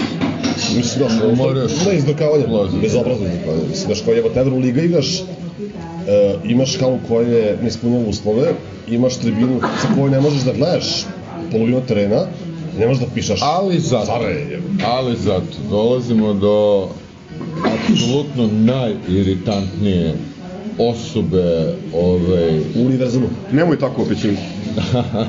da, da, da. A, vizualno, to je jedan ovaj, a, Ćelevi buć, Bucko u najboljim godinama i tako sa kilometar ovaj, ima, ima izličnih sličnosti sa... Ceremonijal majstor. Sa našim drugarem. je, MC-em. Da, koji, koji je ostavio mikrofon, ovaj nažalost nije ostavio mikrofon. Njemu nije dosta svega, tek je krenuo mali. To, to je katastrofa, ljudi, šta je ono? Ja stvarno ne razumem zbog čega je uopšte dozvoljeno da tebi trešti muzika u toku akcije. Ili da se magarac dere besides da objavi ko je dao koš. Ili da... Ona je, ona je pakao. Ne, ne, sve je, ljudi, od Rocka Girls do tog Misije Kozbašika. E, a, znači, sve je, naročito- naročito- samo, samo tetka na trapezu fali. Naroč, ne, ne, ne, Onda oni, bilo je, bilo je zamrač, zamračivanje dok, dok ide ovaj, tačka ovih plesačica i a najčešće je to bilo nekim crvenim svetlom, tako je izgledalo kao da podvode te, te devojke koje igraju, znači kupleraju, bukvalno. Ne, mučno, mučno, mučno je što, što lik, ali stvarno urla kao da ga zavolju. Mislim, i, i, i ti sad kad napadaš, on urla, ono, poziva ove degenerike da, da viču dalje ti ne fans, a raz- muzika da, trešti. gde je fans? Da, ne, ne, ne. Gde je fans? I ovamo kaučevi, ovaj, da, u- cr, i to crveni, Odvratno je. da upotpune osjećaj. Ali ne razumem, i dalje, i dalje ne razumem kako je uopšte dozvoljeno da se on dere u sred akcije. Isto kako dozvoljeno da igraju u hali koja ne ispunjava uslove, voli kurac je. Dobro, ovaj vlasnik je vrlo zadovoljan sobom. E, pratili smo inače, to je simpatičan moment. Pratili smo e, i govor tela TM e, Dejana Bodiroge koji je sedeo pored vlasnika Pa nije Virtusa. bilo govora tela. da ali, ali vrlo se, vrlo da. se trudio da zadrži objektivnost i da se ne raduje u onim nekim prilikama kada su naši igrači, odnosno Kevin Panter i Kaminski pokazivali da, da im se igra košarka. E, u svakom slučaju, e, ono, dođoh, videh, izgubih i osim ako ne bude bio organizovan Final Four u podrumu odnosno u garaži stadiona, klubskog stadiona u Monaku, neću dolaziti više na tu utakmicu. Isti osjećaj, jedan čak i ljudi koji su i ranije bili naši bliski drugari su konstatovali da u ovog glavnog hala i grada više neće doći, pošto niti može se navija, niti može se gleda, niti može se piša, jebate, ne možeš ništa. Da, ovaj, čekali smo povratak na aerodrom da popijemo vode, pošto ništa, ništa nema. Popularni facility su stvarno na nivou, ne znam, ajde ne, ne, ne vređam taj Sintelon, oni više ne postoje, valjda. Ne, ali, ali uopšte, a, ono, utisak svega toga a, je da, ono, bukvalno ono, silikonska sisa je prirodnija od, od tog kluba. Ono, čovječija franšize je prirodnija. Ono, ono što je To je nevjerovatno. ono što je ne baš zaprepastilo, što sam negde, u stvari vidio, dobio sam neki ovaj newsletter od Monako, da li kluba, da li ticketing servisa, da oni vode svoje navijače, ili šta god bilo, organizovano busom u Bolonju. I da, ne se, da gledam je dvojica, kora sam ono lud, ali... Pa ne znam ko je navijače, bio onaj deda sa, Ne, ne, isto, sa perikom. Pa zato te. E, bila je jedna upućena gospođa ovaj, negde pri vrhu tribine koja je oštrim okom a, spazila da ono na trifom nije faul i tražila je challenge. Da. Ali jedna. Da, hoću kažem smešno, znači, ali da, te idiote vode neko busom 6 sati, oni gledaju utakmicu u Bolonji i onda se vraćaju 6 sati nazad za Monako. Sad, ono, Jel viču za- defans? Pa verovatno je, ga, ali ono, suština je da oni navijači nemaju, imaju stvarno tih par matorih debila i možda vode u budalu što urla. Čekaj, čekaj. Znači, Ove, dobro, ali ono, moram kažem, e, s velikim olakšanjem smo došli u Bolonju jer ma kakav da bude rezultat i kako da bude igra, to će ipak biti košarkaška utakmica u košarkaškom ambijentu. Mada su oni nabavili onog DJ-a koji je trndao. E, na veliku ali žalost, prošli taj, taj trend je da. otišao u kurac. Da. Ista situacija je u Mihinu, doslovno je čista. On, ne, ne možeš da navijaš, ne možeš ništa, pošto opet gleda neka muzika. Tako da sve više, sve više terena u Euroligi izgleda to usvaja kao nešto redovno i normalno. Dejane, Dejane Bodiroga, ako ne slušaš, a znam da ne slušaš, ove, molim te uradi nešto. Neki dekret donesi kojim se zabranjuju Ban. Jedino može Metropolitan da zadrži svog DJ-a, pošto oni prvi počeli. Oni Da, su da, da, oni su zaista, jeste. Bulonj. E, dobro, to je to. E, pre nego što se bacimo na izbijanje e, toplih napitaka na K, broj 3 i 4, samo da kažemo ovaj, da e, je najpozitivniji deo ovog prvog dela puta bilo druženje sa navijačima Partizana sa svih strana Evrope i sveta. Tako da... Da, jako simpatično odete random na, na plažu tamo na... Šetalište. Na šetalištu u Nici i samo počne se skupljuju onako. Dobro i spontano. A izvinjam se da, mislim, u hali je bilo 400 grobara, znači, ne da nije zanemariti, nego baš lepa cifra i par ekipa ozbiljnih i iz Srbije E, da, i- i, i dijaspore, plus, znači, pojedinaca i bu, bukvalno svih krajeva sveta. I, i sad se setih fun fact, upoznali smo Slobodana Miloševića. Pozdrav Slobodan Pozdrav Slobo. Iz, Prokup, iz Prokuplja. odnosno Niša, dečko koji većava, a upoznao sam i po vremenu vi niste, Veljka iz Vranja, pozdrav i za njega i pozdrav za bračni par i Janu iz Čikaga, koji su nas pojili i pivara u Nici, zahvaljujući ko, kojima je bilo malo lakše podneti Da. ovaj, onaj šator u Monte Carlo. To je to, idemo da pijemo kafu i idemo po pobedu. Grobar je zdravo, i eto, pošto smo sva trojica bili u Paladoci, kad smo pobedili sa Trinkjerijem i prošle godine, ajde nek bude i treća Idemo sreća. po Ketrik. Pa nek ide se u piču, Da. Ajde, Grobar je Ćao. pozdrav. pa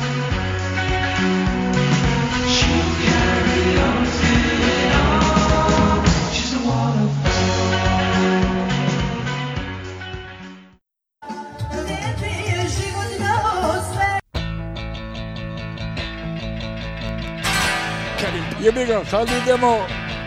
Punter. It's fucking do or die now. We can't be sad now. Punter. E tada se pali mišljenje. Kevin Punter. Oh, he's unconscious, Kevin Punter. Turn up. Kevin Punter!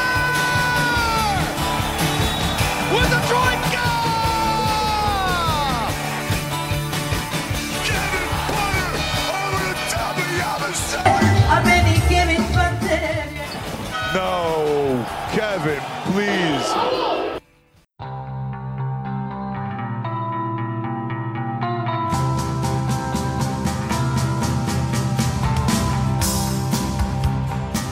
Znači, košarka, e, duplo kolo, duplo golo. Mislim, sad prepričavati te utakmice, e, ne znam koliko je Izvini, kad pogledaš na ovu tablu, ne znaš šta je gore, da li da prepričavaš to ili da nastaviš Imamo on the road. dalje. Će to nas zapusti sada. Već su ga čuli ovi historikalci. Ove, to, je, to je što se tiče utisaka iz, iz one cirkuske dvorane u Monaku. A za ovaj, prosto nije bilo vremena jer smo se odmah posle Bolonje popakovali i nismo nešto bili u stanju psihofizički da, da snimamo bilo šta. Pa možemo počnemo recimo, u stvari ajde, ajde Lemzi, reci ti reč dve o ABA ligi i o Monaku. Pa, nažalost, Monako je, da kažem, preslikano gostovanje kako je bilo, recimo, protiv Panathinaikosa. E, jednostavno, ova ekipa m, kao da nema kapacitet da igra na strani 40 minuta koncentrisano i kvalitetno. Slična priča je bila i u Monaku, kao da imamo 20 do 25 dobrih minuta u svojim rukama i nogama i mi smo dobro otvorili, odigrali dobru prvu četvrtinu, dobro otvorili drugu četvrtinu, e, vodili smo neki, čini mi se, 5-6 razlike i onda kreće sunovrat do kraja prvog poluvremena, gde se, i, gde se otišlo sa nekom korektnom razlikom zahvaljujući samo onoj trojci Pantera sa zvukom sirene. Uh, treća četvrtina gore, dole, gore, dole, na kraju smo otišli ovaj, spustili smo na dva razlike i onda faul Avramovića nad Ledejem, četiri razlike, uh, otvaramo, uh, otvaramo četvrtu četvrtinu tako što primamo onaj uh, u stilu Patrika Mahomesa kako je bacio pas preko celog terena na Avramovićevog igrača. Kako te pogledao Beloša? NFL jedan pas ili bejsbol pas ili kako god hoćete, ono preko celog terena primamo koš kakav ne sme da se prima u četvrtoj četvrtini jedne neizvesne utakmice u Euroligi na strani. E, doduše nisu iz prve dali, nego iz nekog dala ofanzivnog skoka, što je možda još i gore ovaj, da nismo pokupili tu njihov promašaj, pa je onda Avramović izgubio loptu na prenosu, pa je posle promašao čini mi se i trojku i, i tu je, da kažem, jedna Željkova odluka dosta sporna da počne to tu četvrtu četvrtinu sa onom petorkom uh, Jarama Zavramović, Trifa, da li Kaboklo ili, ili Balša. Bukvalno delovalo se da predomeć. Da, da, da. Ma, uh, Ma ono, defanziva totalna. Da, s tim što u napadu nismo apsolutno ništa, ništa dobili i prosto i to u odbrani nije bilo dovoljno. Posle kada je ušla ona, ona, ona da kažeš, uh, prva petorka po znacima navoda, promašili smo, već je bilo 10 razlike, uvukla se nervoza, promašili smo dve, tri otvorene trojke i naneli i ne znam ko još Ledej čini mi se i to je otišlo ono na 15, 16, pa je Panter uspeo da spusti na 8, pa smo, mislim generalno nismo bili blizu, bio je taj podatak na kraju utakmice što je i Željko rekao da su oni imali ne znam koliko šuteva više od nas. Znači mi smo imali previše izgubljenih lopti, oni su imali previše ofanzivnih skokova, imali su 17-18 šuteva više od nas na utakmici i ti jednostavno ne možeš da igraš protiv jedne ekipe koja po meni ima ono u top 3 sastava u, u, u Euroligi odmah rekao bih posle posle Reala i, i možda Panathinaikosa tu negde sa Barcelonom, ova ekipa Monaka je strašna ekipa. Uh, fizički izuzetno dominantna i ono što je, da kažem, nama neki maler je da, da su protiv nas oba puta bili kompletni. I, i evo, ne znam, njima Kemba Walker ne uđe sa klupe, pa, igrač da koji kažem. ima najzvučnije pojačanje ove sezone. Mislim, on igra katastrofa, zato i ne igra, ali ovaj, samim tim samim tim ovaj, nismo prosto, nismo, da kažeš, imali tu neku dozu sreće što se nas tiče Dožer je odigrao jednu od najgorih, možda i najgoru utakmicu ovaj, u dresu Partizana, što je bilo onako prilično neočekivano nakon onakve utakmice protiv Žalgirisa. Panter je bio, da kažeš, jedini, jedini onako raspoložen igrač i Kaminski. Kaminski je dao nekih 15-16 poena, nažalost on je čini mi se imao problema s ličnim greškama, ali ovaj samo su njih dvojica dali taj neki, neki potreban doprinos. Mnogo igrača ponovo odlučilo da uzme slobodan dan, Ledej, ne mogu sad da setim ranili kako je odigrao, ali mislim da ni on nije bio na svom nivou, uh, kao Boklu da ne pričamo, tako da realno nismo bili blizu tu. Uh, Gaza i ja smo po vašem povratku iz, iz, ovaj, iz Bolonje smo uz kafu komentarisali da je zaista velika šteta što a, nismo prvo, prvo bili u, u Bolonji, da nije ta utakmica bila prva, jer videli smo u Bolonji da je moralo, zato što je duplo kolo i, i ovaj, samo su dva dana a, bila između, odnosno samo dan između, ovaj, moralo se vodi računa i o minutaži, jednostavno ova neka prva, prva petorka imala preveliku minutažu u Monaku i onda je Željko odlučio da ih malo poštedi na početku utakmice, počeli su Ponitka, Avramović, Smith, ja, Smith uh, i m, korektno je to delovalo, međutim opet ostaje na kraju žal što eto možda uh, Panter ili, ili ne znam ko još nije imao još ta dva minuta ili možda malo više svežine da su imali, ne znam, Ledej ili, ili Dožer. Uh, utakmica u Virtusu, mislim, dosta bolja, bolja partija Partizana i, i ako gledamo onako ne, neki generalni, mislim da smo imali mnogo veće periode bolje igre od, od, od Virtusa. Mnogo duže periode bolje igre, aj tako da kažem. Ali je problem bio taj što smo mi u, u, u stanju generalno ove sezone, nažalost, na toj utakmici da u dva loša minuta napravimo minus 15.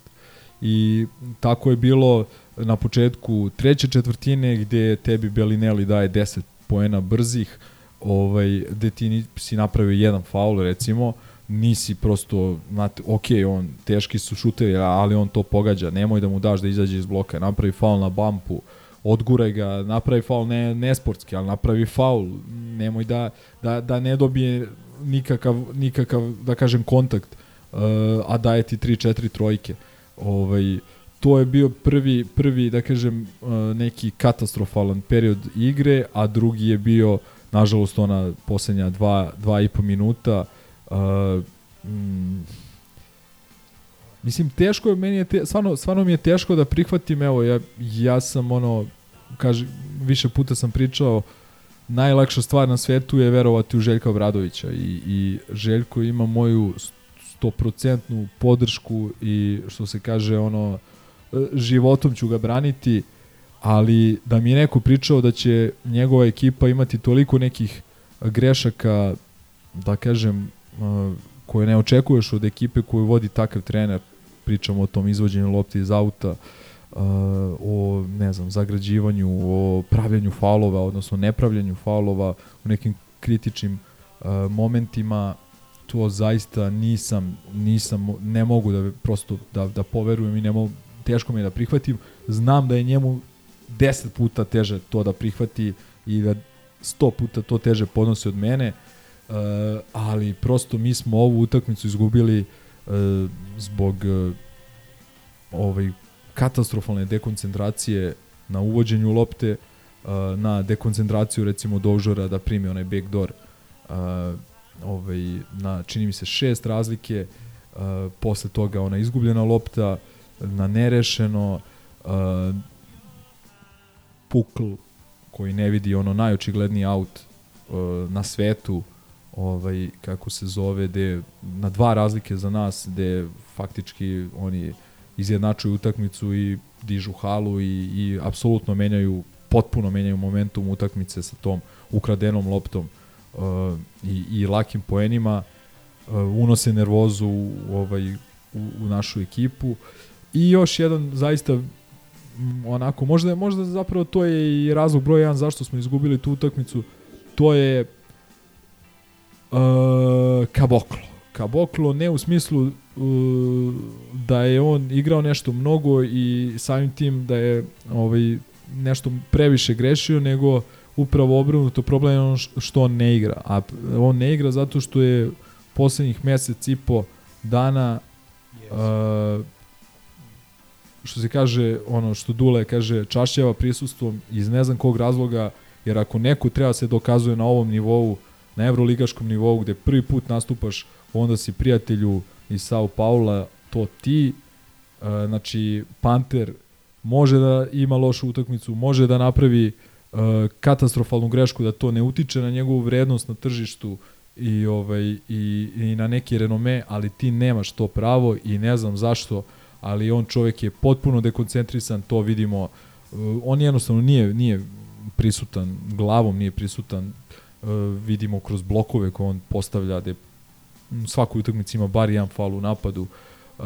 najčešće u nekim lošim momentima izabere da napravi taj faul uh, nema ga u odbrani uh, prima trojke ovaj preko u switch odbrani što nije bio slučaj sećamo se da smo mi faktički Monako i, i Panathinaikos dobili uh, zahvaljujući njemu i njegovoj odbrani u, u tim završnicama utakmice i to nam je trebalo u, u, Bolonji Nažalost, Bal, Balša je primio na dva koša, mislim, od Lumberga. Lumberg, polaganje, Prilikom... ali vidi, e, to sam teo da kažem.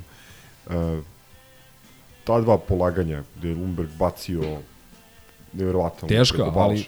E, ne bih hteo da sad Balša ispadne krivac. Nije, Balša ima odličnu utakmicu. Balša odigrao dobro i drugo, e, ti si u pravu da je e, da Kaboklo nije bio toliko loš, Balša ne bi branio dva od tri posljednja napada. Apsolutno. Treći, To je moja- to je moja treći, poenta, treći, da treći napad pogrešno. koji, koji nije odbranjen je onaj Smajlijev napad, odnosno switch na, na, baš na Lumberg. Lumbergu, gde je on isto odigrao jako dobro, ali ovaj mali je pogodio. I sad tu imaš još jedan paradoks o kome razmišljam već danima, to je da je Jalen Smith, koji kod nas trenutno ne može pogodi ništa, držao tog istog Lumberga na klupi. Kako misliš držao na klupi? Nije, nije on igrao tamo. E, Smith je zbog toga i otišao što on nije igrao. Ali jedno vreme je bio, Ne, ne, bio Lumberg- prvi izbor. Lumberg, uh, Lumberg igra odličnu sezonu od početka, on je, on je ovaj, protiv nas dao onaj koš za pobedu, da kažeš, u, u Beogradu. On, igra Oni odlično. Aba su, oni ali odigrali najbolje utakmice i u Beogradu i, i, i tamo, ali hoću kažem da je u jednom trenutku, ja mislim kod eh, Bankija da je, Ne, ne, da je Lumberg- Smith bio Lumberg je bio na izlasnim vratima uh, kod Skariola. I Skariolo mu je, i čak je bila neka priča da je Lumberg dogovorio sa Galatasarajem, znači koji ne igra Euroligu, Da. i onda je desila se ta promena na klupi, Banki je odlučio da ga zadrži i Lumberg je najbolji igrač ovaj, uh, u Šengeliju Virtusa ove godine. koji se vratio na ovoj utakmici upravo. I da. E, e sad, ima, Željko je pominjao i pro, posle, posle uh, Bajerna, baš tu odbranu Smajlagića, uh, to je neki stav da ti na plus 2 uh, u sviču ne smeš da dopustiš opšte šut za 3 poena. Mislim, mi, sve bi mi ovo drugačije sad pričali uh, da je on promašio i kažeš nije bio, nije bio lak šut šta više, ali ima ta neka teorija bolje napraviti faul na plus 2 čak i na tih 35 sekundi do kraja nego pustiti najboljeg igrača protivničke ekipe da, da, da digne tu trojku. Uh, Smiley je mogao da igra još agresivnije, kažem opet po cenu faula, naravno faula za dva, a ne za, za tri poena.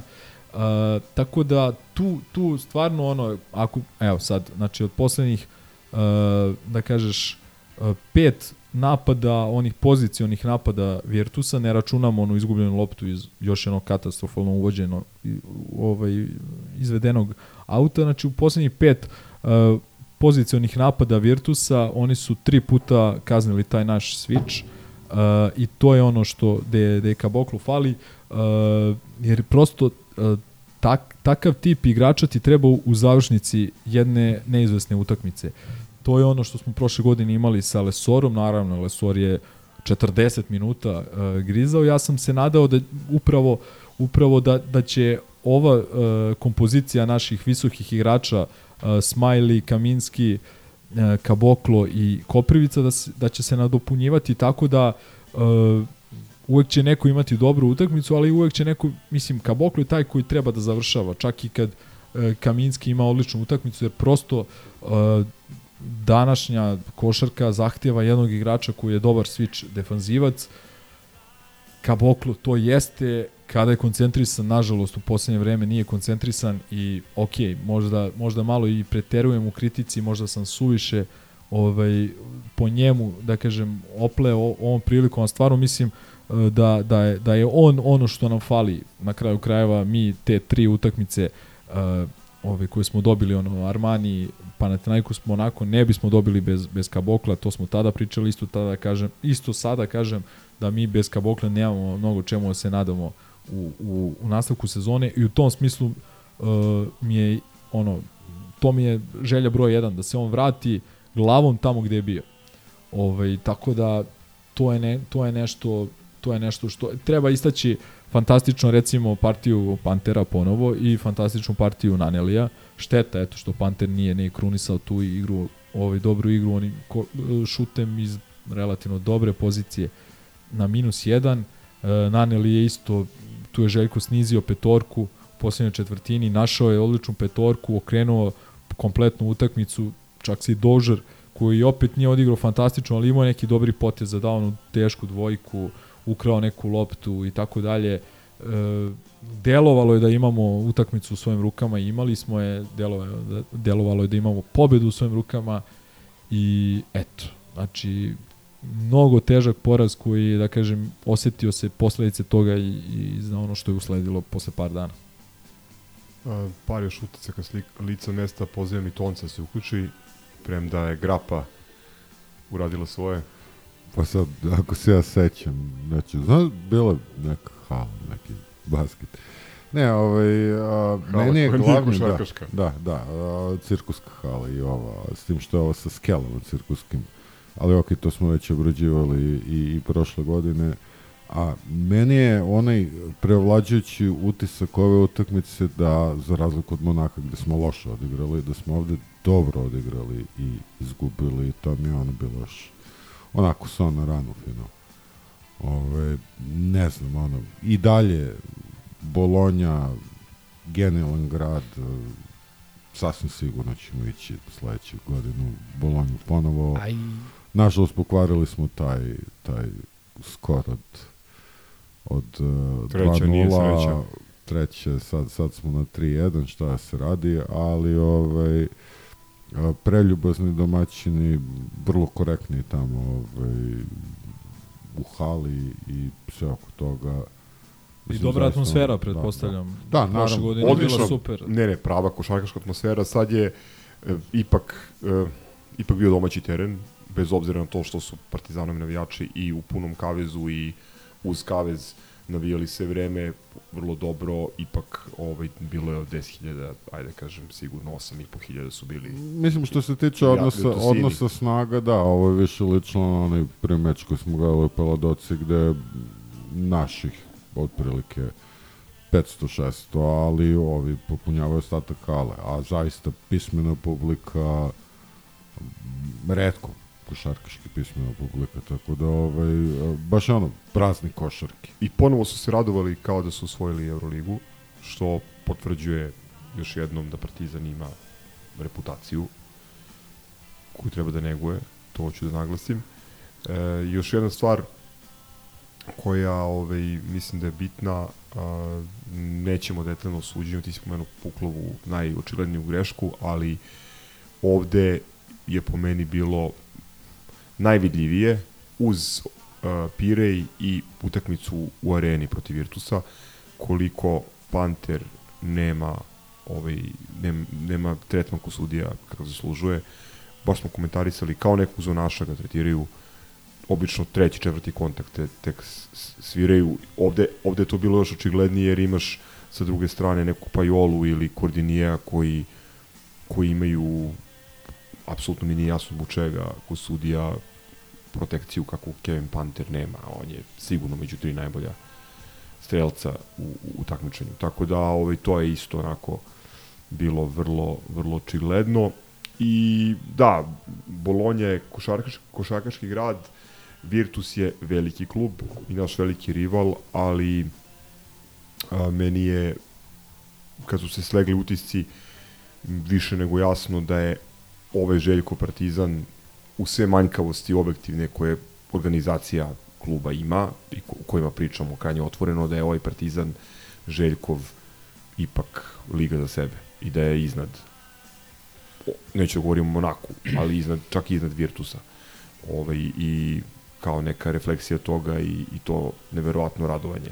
Još jedna stvar, njihove publike. pošto su, da kažem, popularne te, ta ovaj, poređenja sa prethodnom sezonom, mislim da ova ekipa Partizana ima tu, da kažem, nesreću po znacima navoda, što protivnici mnogo ozbiljnije uh, pristupaju pripremi utakmice protiv Partizana i, i samim tim uh, do, dosta ovaj ozbiljnije. Znači n, uh, niko neće podceniti Partizan ove godine. Da. Prošle godine je to umeo da bude slučaj i mi smo uspevali tu uh, negde da ukrademo po znacima navoda pobedu ovaj, tu i tamo. Ove godine to apsolutno nije slučaj. Ataman je recimo pred naše gostovanje protiv Panathinaikosa rekao kako ih čeka jedna od najbitnijih utakmica u sezoni. Jasikevičius isto pred Fenerbahče, uh, Virtus sami, evo, sami kažete i na kraju krajeva onaj doček prvi put je dočekana ovaj ekipa verovatno od onih 90-ih. Posle pola noći. Da, ovaj na aerodromu Virtusa posle one pobede. Rasprodata, rasprodata dvorana. Da. Ajde, dvorana. Sala 38. Pa dobro, ali ima lep- sajma. lep- lep kapacitet, razumeš. Rasprodata pre toga Oaka. E, Partizan je, Partizan je klub koji privlači privlači publiku, gde god da se pojavi, znači nije samo u pitanju... Rasp meni, na šta je meni ono, rasprodati je čoveče u Zagrebu ovaj, Dražanova. Dražanova dvorana. Znači, ajde ovi kao u dobrom su momentu, uh, dobro igraju, drugi, treći, četvrti u Euroligi posle 100 godina, ovamo tamo, pa ajde. Ali ovi, razumeš, ono, dođe ih 350. Skoro postoje. Da, Da, znaš, postoje. ono, i čoveče, dođe ti partizan, pa neki iz kompleksa, neki iz bilo čega, razumeš, ono, napuni se, dođe 4000 ljudi gleda, to je stvarno... Kažu ono- dolazi neki drugi koji su najuspešniji u, Zadar u regionu isto. u zadnjih 13-14 Zadar godina. isto, evo gledam sad protiv budućnosti ono hiljadu, hiljadu i po ljudi, razumeš, dođe Partizan 8000, znaš, ono, tako da. Samo još jedan utisak iz Bolonje, ali koji je off topic, ali govori u, u prilog ovog komentara da je baš košakaški grad Fortitudo koji je u drugoj ligi Italije igra u, u Paladoci koja je jedna od kultnih antologijskih košakaških dvorana i ponovo smo je posetili famozni kafe, bar, pick and roll. E, Fortitudo je par dana pre naše dolaska igrao sa nekim klubom za koji ja iskreno nikad nisam čuo. Či, Kad on nije Či čuo. Reale ili tako nešto. Mislim, nikad čuo nisam za njih. Napunili su Paladolcu do vrha. Kažu da imaju 5000 sezonskih karata. Tako da, izvučite sami zaključak. Da, i da, da kažem još jednom da je interesantno da ovog puta smo a, smo našli jednog navijača, jednog sam- navijača, bio to mladi recepcionar u, u hotelu u kojem smo bili. Inače, tamo koga god da pitate, jer je tamo gomila mlađarija i studentarija koji radi po, po kafićima, oni su svi za, za Fortitudo. Čak i onaj gospodin, prvi put kad smo bili, on je stariji koji nam je pomogao oko parkinga i onog parkomata koji ovaj, priča samo na italijanskom. I on je bio Fortitudo. I Tako automehaničar. Da. E da, automehaničar kome lepo ima stiker, ovaj, on izlazio provjerio, ovaj, pošto na, na njegovom, on je neki automehaničar za motore, valjda, baš on kao. I e, simpatično što smo prošli put našli stikere koje smo zalepili prvi put i onda smo shvatili da ih namjerno ostavili, sad smo se vratili opet da nalepimo, izlazi čovjek. U Da vidi dresu Bolonje. Da, da, u čemu se radi. U dresu Bolonje, ali ove, a, approve, je i ovaj novi stiker, tako će ostati tamo. I jedan moj lični utisak, našli smo najbolji kafić na, na svetu ovaj, i instalirali smo im grupu jedna odmah i tako da. Ali ja bih dodao nešto, ok, ovaj put nisam bio, ali kad sam video one fotke, snimke onog ćoška u kome je bilo 500-600 ljudi, kao što kažete, tek sam onda shvatio koliko nas je u stvari bilo ono u martu prošle godine, jer je osim jednog sličnog takvog ćoška u drugom delu one tribine, sve ostalo su bili grovari. I, ovaj, i, i, i ono što, ok, sad, u, u, u- ovom civilu, u duplom golu i, i svim ovim lošim utakmicama koje smo imali do, do, do sinoć, ovaj, e, ta prošla sezona je i što se tiče tih gostovanja ono bila jedna jedna ono totalna romantika jer koliko vidimo sad ovaj e, možda će daj bože da taj Minhen ostane ovaj ne, neko ono naša kući što bi rekao ovaj Lesor ali bojim se da će sad sve druge hale gde su ono grobari bili u velikom broju početi da primenjuju neki drugi način ovaj prodaj. Daj Bože da grešim, ali vidi se sad na, na, na više primjera ove sezone tamo gdje nas je bilo po 2, 3, 4 hiljade ovaj, to su sad ono simbolični ovaj, kontingenti karata koji mogu da se kupe iako su ljudi poučeni iskustvom od prošle godine već uveliko bukirali i, avione i hotele i slično ali, ali to nije to jer su skontali da ne žele da imaju ovaj, gostujući teren u, u, u svoje hali. Ne znam šta je sa Milanom na kraju, jesu Ne znam sve. pušteni Niko još kada- ne znam zna. Nije, to, ne, to nisu- je bilo najmasovnije, mislim, gostovanje prošle sezone uz Da, Minhen. Da. A još uvijek nemamo. Pričemu oni, oni imaju generalno vrlo onako relaksiranu politiku prodaje karata, tamo imate neki flat rate, 15 evra su sve karte i oni definitivno onaj forum ne mogu da napune, tako da ove, ako s- odluče da ne žele da prodaju navijačima Partizana karte, to definitivno znači da, Da. hoće da izbegnu gostujući teren. Da, i kako sad hali. stvari stoje, to će bude stvarno bitna utakmica. Ono, I za nas i za njih, jer su oni sad pobjedom protiv Reala se vratili borbu za play-in, a mi smo o, Šta o, smo- o, šta smo ćemo drugo očekivali? pričati, ovaj, Ma ne, evo, taj Virtus, da, da završimo priču. Uh, Šengelija koji nije igrao, tu se vraća na volšeban način. Belinelli koji par dana ranije protiv Barcelone ne može vola da ubode tu, pogađa pet trojki, sve van balansa. Mislim, to je to. Pričali smo malo i o, o tom Milanu, verovatno će svi da se oporave njihovi igrači do, do naše. Da, pa već dolaska. jesu, a ima još skoro mesec dana, tako da. Ove, ono što, ajde, možemo da pričamo i što ja volim da, da istaknem kada je, pri, kada je reč o Euroligi, da je to na, drugo najkvalitetnije uh, takmičenje na svetu što se tiče klubske košarke. Znači odmah iz NBA lige. Ne postoji liga koja je kvalitetnija od, od Euroligije, osim NBA lige, tako da i ovi porazi, koliko god bili teški, bolni, mogu da se podvedu pod uh, znaš, kao To je deo paketa. deo paketa uh, konkurencija jaka, male su razlike, veliki broj utakmica se odlučuje na u detalje u posed ili dva. I jebi ga, malo doza sreće, malo šta znam, ono, tvoje neke odluke koje donosiš u osudnim momentima, ali ono što ja mislim da niko nije mogao da pretpostavi je da nas Split, da nam Split održi ono lekciju košarke Tonko, Vuko i, i ekipa da vode u jednom trenutku 19 razlike a, protiv Partizana bez Pantera i Doužera, ali da i pet igrača da nije igralo da ono svi Kamerunci nisu igrali opet ne sme to to da se dozvoli da se desi.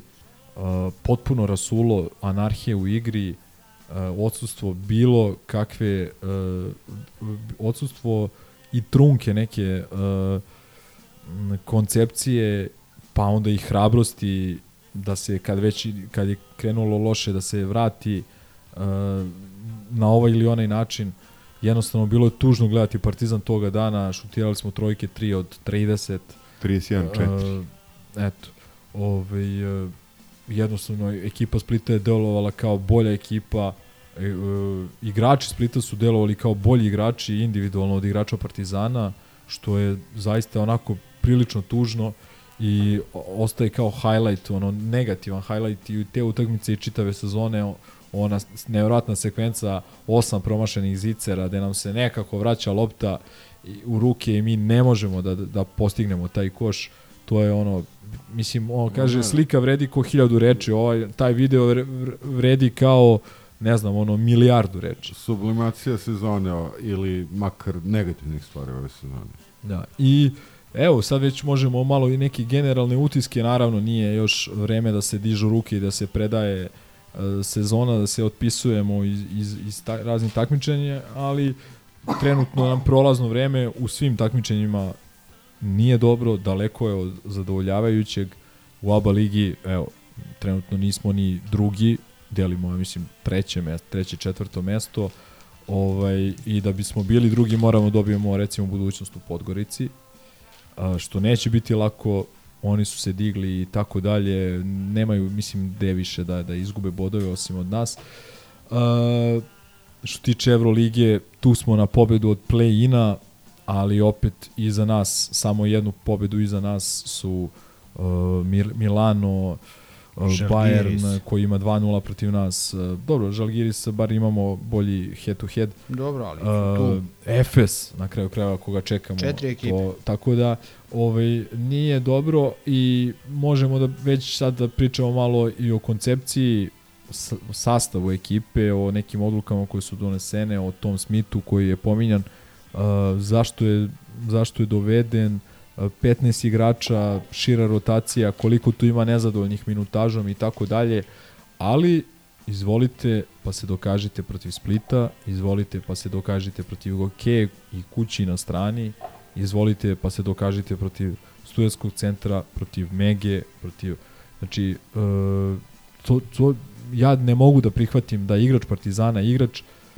neki i treći i sedmi i jedanesti igrač ovog najskupljeg Partizana u istoriji ne može da ono snagom volje na kraju krajeva uz određenu dozu kvaliteta da kaže dajte mi loptu ruke i sad ću da dam 25 poena Splitu i da okrenem utakmicu. Ja to ne mogu da prihvatim. Mi smo delovali potpuno inferiorno od Alekse do, do, do centara koji ne mogu da, da, da, da ostvare dobru poziciju pod košem Kaminskog koga tamo ono izguraju na, na trojku malte ne. Znači jer ne mogu da se setim iskreno sramotnije igre i sramotnijeg i težeg poraza Partizana. Kažem opet, najskupljeg Partizana u istoriji Partizana koji ima 15 igrača, ok, Trifa bolestan, ali ova dvojica dobili dan odmora, znači ovih 12 moraju ovaj Split da dobiju 30 razlike bez ikakvih problema. Mislim, sad pominjati, kažem opet, taj video klip, ono, I o, na kraju krajeva ta treba pomenuti po, treba pomenuti da je ponedeljak došlo 7000 ljudi da To gleda tu, da kažem. tu bruku. E. To sam teo da kažem. E, možeš da budeš nezadovoljan minutažom, da smatraš da ti Željko ne daje dovoljno prostora na utakmicama koje su bitne, ali sve utakmice su bitne kada se pojavi pun pionir. To je pun pionir koji je došao da gleda u ponedeljak uveče Partizan protiv, protiv Splita u kome je glavni igrač Shorter igrao Ligu Egipta sa 15 kila više do pre 3 meseca. Mislim, sad ono, trivializujem, ali, ali zaista je tako. I tu, tu je tu je sasvim na mestu ovaj stiker prst na čelo, ali pre svega za, za igrače koji misle da, da im nešto pripada, da su bogom dani ovaj, veliki reprezentativci i tako dalje. Mislim, na njih najviše, njih najviše krivim. Njih, njih krivim više od, em, od stranaca, pošto je bilo povika.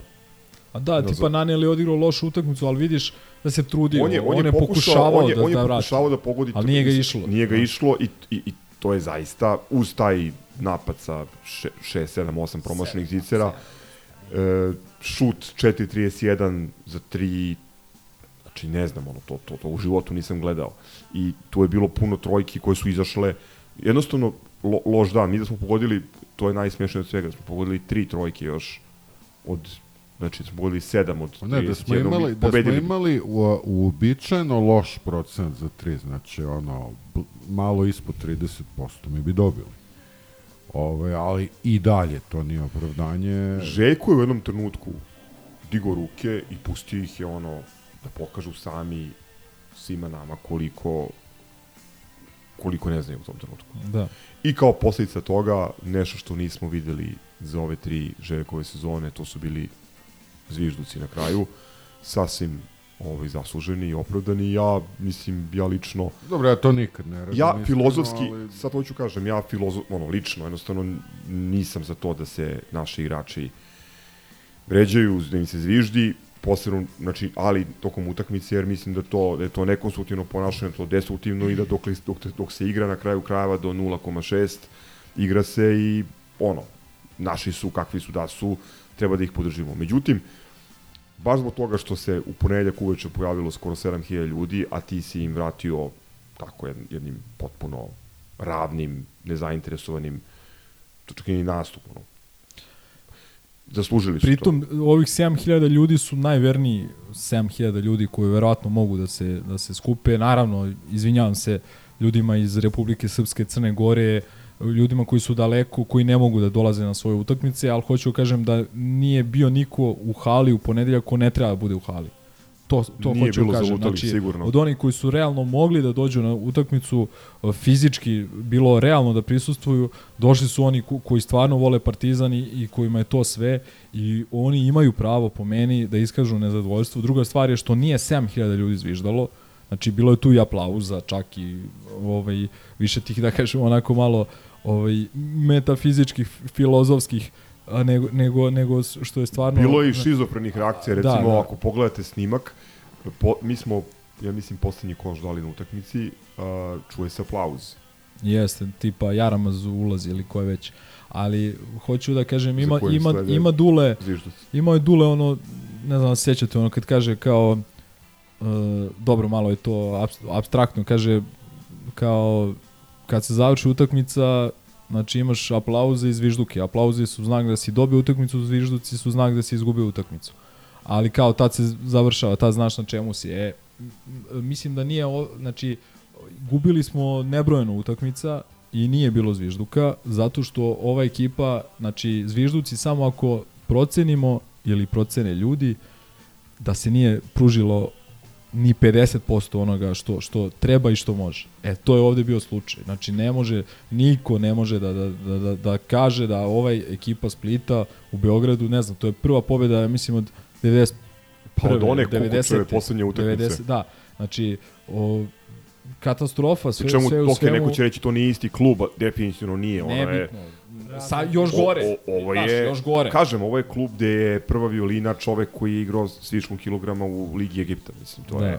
E, ovaj, e, sad jedno mišljenje koje, ne znam, da li ćete se složiti sa njim, ali uh, Bayern moram da, da pomenem ovde onako u prolazu, zato što je i tu posle završetka utakmice bilo svega, a ja recimo mislim da mi tu utakmicu sa izuzetkom traumatičnog i tragičnog poslednjeg napada, mi u suštini smo loše odigrali. Mi smo tu utakmicu, za razliku od nekih prethodnih na svom terenu, otvorili normalno, igrali smo dobro, bili smo u dobroj situaciji i onda kroz seriju gluposti omogućili Bayernu koji je ekipa koja se nikad ne predaje i pod Lasom kao i pod Trinkijerijem ranije da nas, da nas stigne i onda Franciskova trojka, mislim sada. Jeste, ona, recimo bila slična utakmica one prošlogodišnjoj Samo što je tada. Otelo promašio trojku iz ugla. Jeste i što je Exum uzeo i rešio utakmicu. Doduše, ruku na srci ovde Dožar je imao nekoliko onih e, dva pojena, dva pojena, asistencija Kaminskom, ono, i, i delovalo je tu da smo prelomili, čini mi se bilo da li četiri ili šest razlike, ne mogu da se setim više.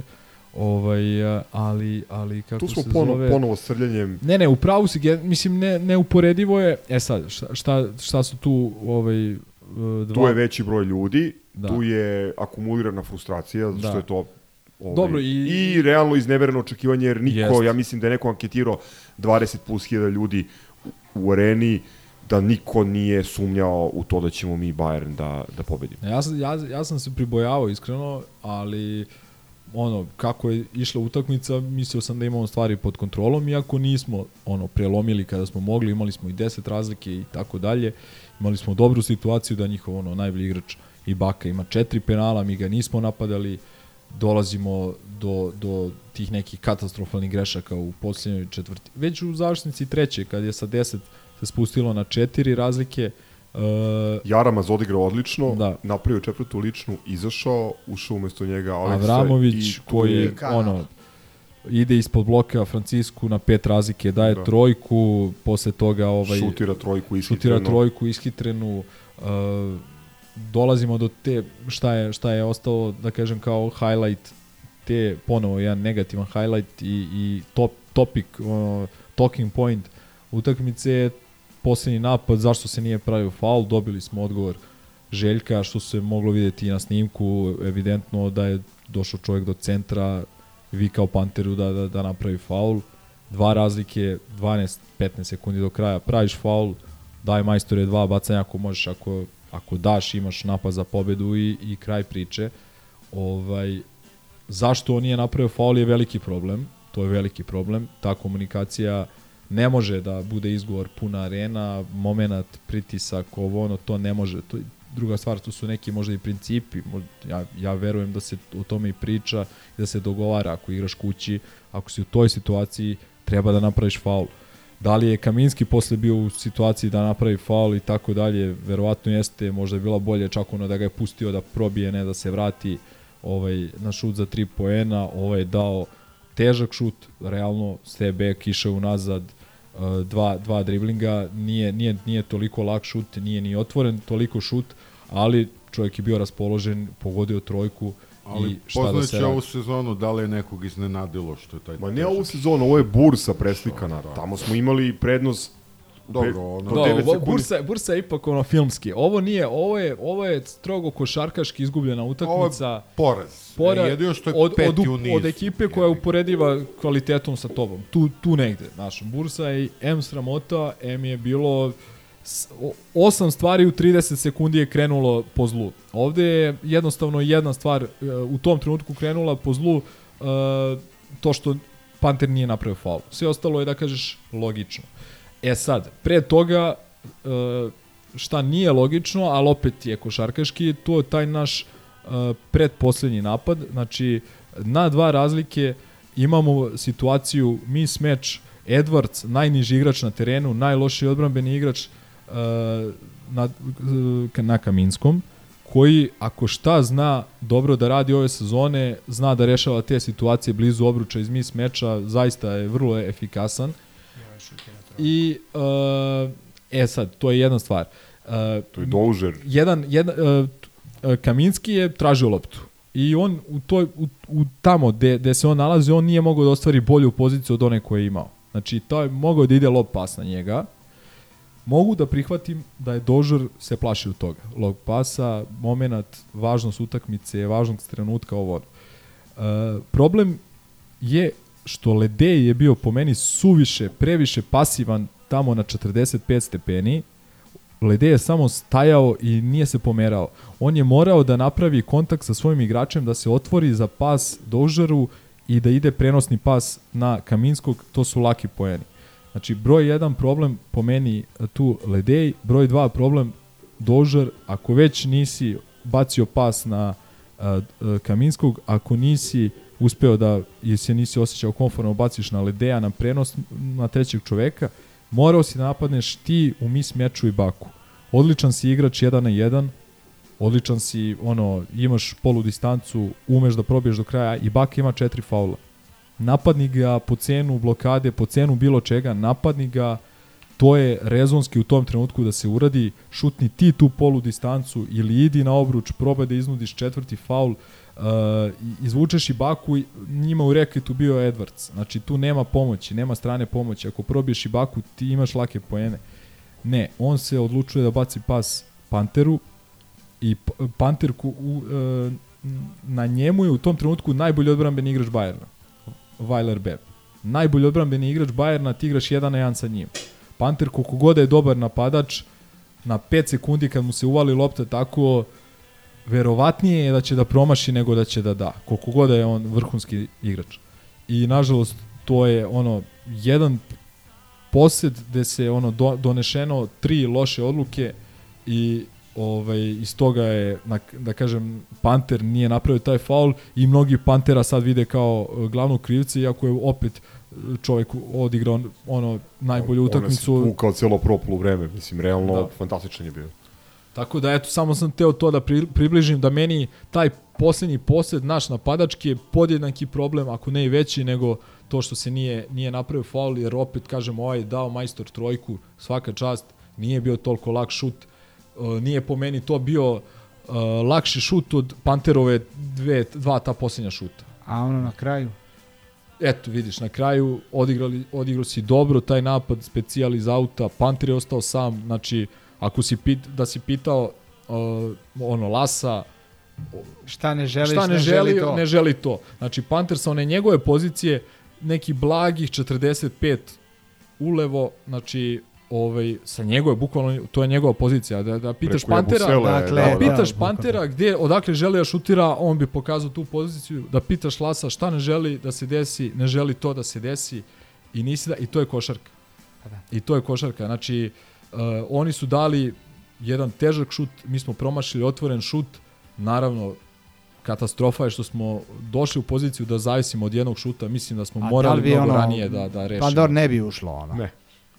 I još jedna stvar, ono Ne bi generalno ušlo, ali ne šta diraj. mi je, Ali šta ne, mi je, šta ne mi je i drago, šta mi je i drago što što ovaj nismo kukali na suđenje iako smo imali verovatno materijala za za onu duplu na plus 4 ovaj to je isto momenat koji ti ono prelama utakmicu da je tu suđena dupla koraci šta god to je kraj utakmice, to je 40 sekundi, četiri razlike, nema tu šta da se priča. Nemoj reći dva put. Ali, Sa Partizanom Pa dobro, sezone. mislim, pričamo u Znam. 99% slučajeva šta bi bilo. Tako da, ne znam, znaš, ono, mnogo, mnogo, mnogo težak poraz, zaista, ono, moralo je ovo da se dobije, kako, kako smo znali i umeli.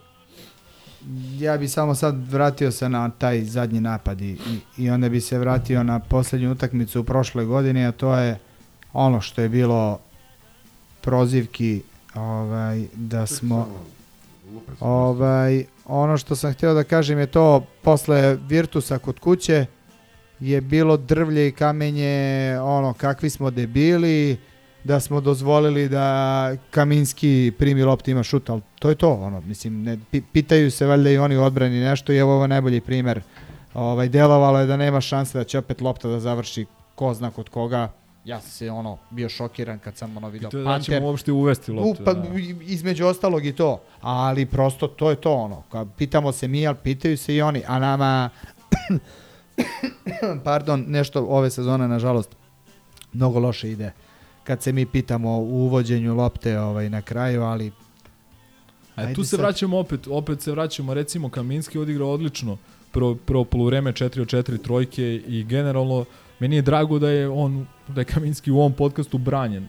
Ja mislim u prethodnoj baš epizodi ili uh, pretposlednjoj ovaj, gde, smo, gde smo rekli da on... ne samo u podcast. Da, ne samo u podcastu, ali ovaj, polako ljudi ima, znaš, ono, on ima kvalitet i ovo i ono, ali opet, eto, nažalost se ispostavilo da, da ovaj, On uvek odigra dobro u utakmicama koje se ne završe dobro. U poslednje vreme. Da, e, ali to je to, da je, da je, da je opet se vraćam na, na, na Kabokla, da je onaj koncentrisani Kaboklo uh, tu glavom i sa svojim kvalitetima i pre svega defanzivnim mi ne bismo, nema šanse svojim da bismo fizičkim ne bi, kvalitetima nema samo. šanse da bismo izgubili ovu utakmicu, razumeš? Meni ovde, izvini, meni ovde, ovde i u a, Monaku i u e, Bolonji mi mnogo više fali koncentrisani Aleksa Ramović. Da. Aleksa recimo u Bolonji, ti imao- Bolonji je odigrao dobro četvrtu Jer si ti četvrtinu. imao na centru igrača koji su raspoloženi ili koji su dali neki doprinos. Ovde je Kaminski, sam si rekao, odigrao jako dobro. Jedin, jedina, slažem se i tu sa tobom, jedina zamerka koju imam, ali to je više zamerka za organizatore igre što nisu spuštali na njega ovaj, pa da igra sa Ibakom 1 na 1 kad je bio, čovjek je završio utakmicu četiri faula. Da. Nismo ga stavili na test. Ja mislim da nijednom nismo spustili loptu. Mi smo, a recimo, recimo Panathinaikos ovde smo dobili zato što je uh, Lesor dobio četvrtu ličnu mi smo ga stalno napadali i on nije mogao ništa da odbrani. Ovde je sve kontra bio slučaj i to je, to je, to je veliki problem. To je veliki problem.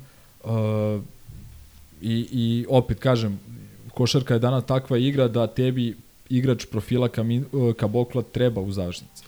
Uh, Aleksa je recimo odigrao dobro četvrtu četvrtinu u Bolonji, ali treba podsjetiti da je on bio na Belineliju kad je vezao one Pa da. dve trojke, tri trojke i trojka uz, uz faul, ovo ono. Poslednju je Belinelli dao trojku kad je Panter zaspao, dok je pričao nešto sa klupom, komunicirao, čovjek ostade sam. I mada je meni iskreno i tu problem da Panter ganja Belinelli. Ok, falio je trifa, ono, znamo i zbog čega, ali je moguće da, je moguće da Panter ganja Belinelli? To, to ne mogu da prihvatim i Belinelli na kraju, osim te trojke, on Panteru nije dao ništa. A Aleksu je, Aleksu je napunio. A sad, sad da li je to odluka dobra, da, da li i sad da možemo da teoretišemo da li je Aleksa bolji igrač na lopti ili bolji defanzivac na lopti ili od lopte, to je druga stvar, ali generalno veliki problem je njegova igra i defanzivno i ofanzivno. To prosto nije ono što smo što smo očekivali i ovo nije uh, drvlje i kamenje, ovo je samo jedna kritika koja nadamo se da nadamo se biće kon, Pa evo već, konstruktivna i već nadamo kup je, se već da će, kup je prilika da, da će da nas demantuje. da nas da. demantuje, da. Odnosno da pokaže ono što je pokazao da može, ali nažalost ne u I- dresu Partizana. I još stres. I evo ovde, ovde jedna od tema je Ledečilo. Ovaj, ja moram da kažem, on je ne, neviđeno mnogo dao Partizanu ove dve i po godine. E, ono, postoji je srce i duša, duša ono, i ekipe, i kluba, i odnosa sa navijačima i tako dalje, ali činjenica je da od one Valencije on je odigrao jednu i po dobru utakmicu i to je nama veliki problem. Da li je u pitanju prosto pad forme, fizički zamor materijala ili je nešto treće u pitanju?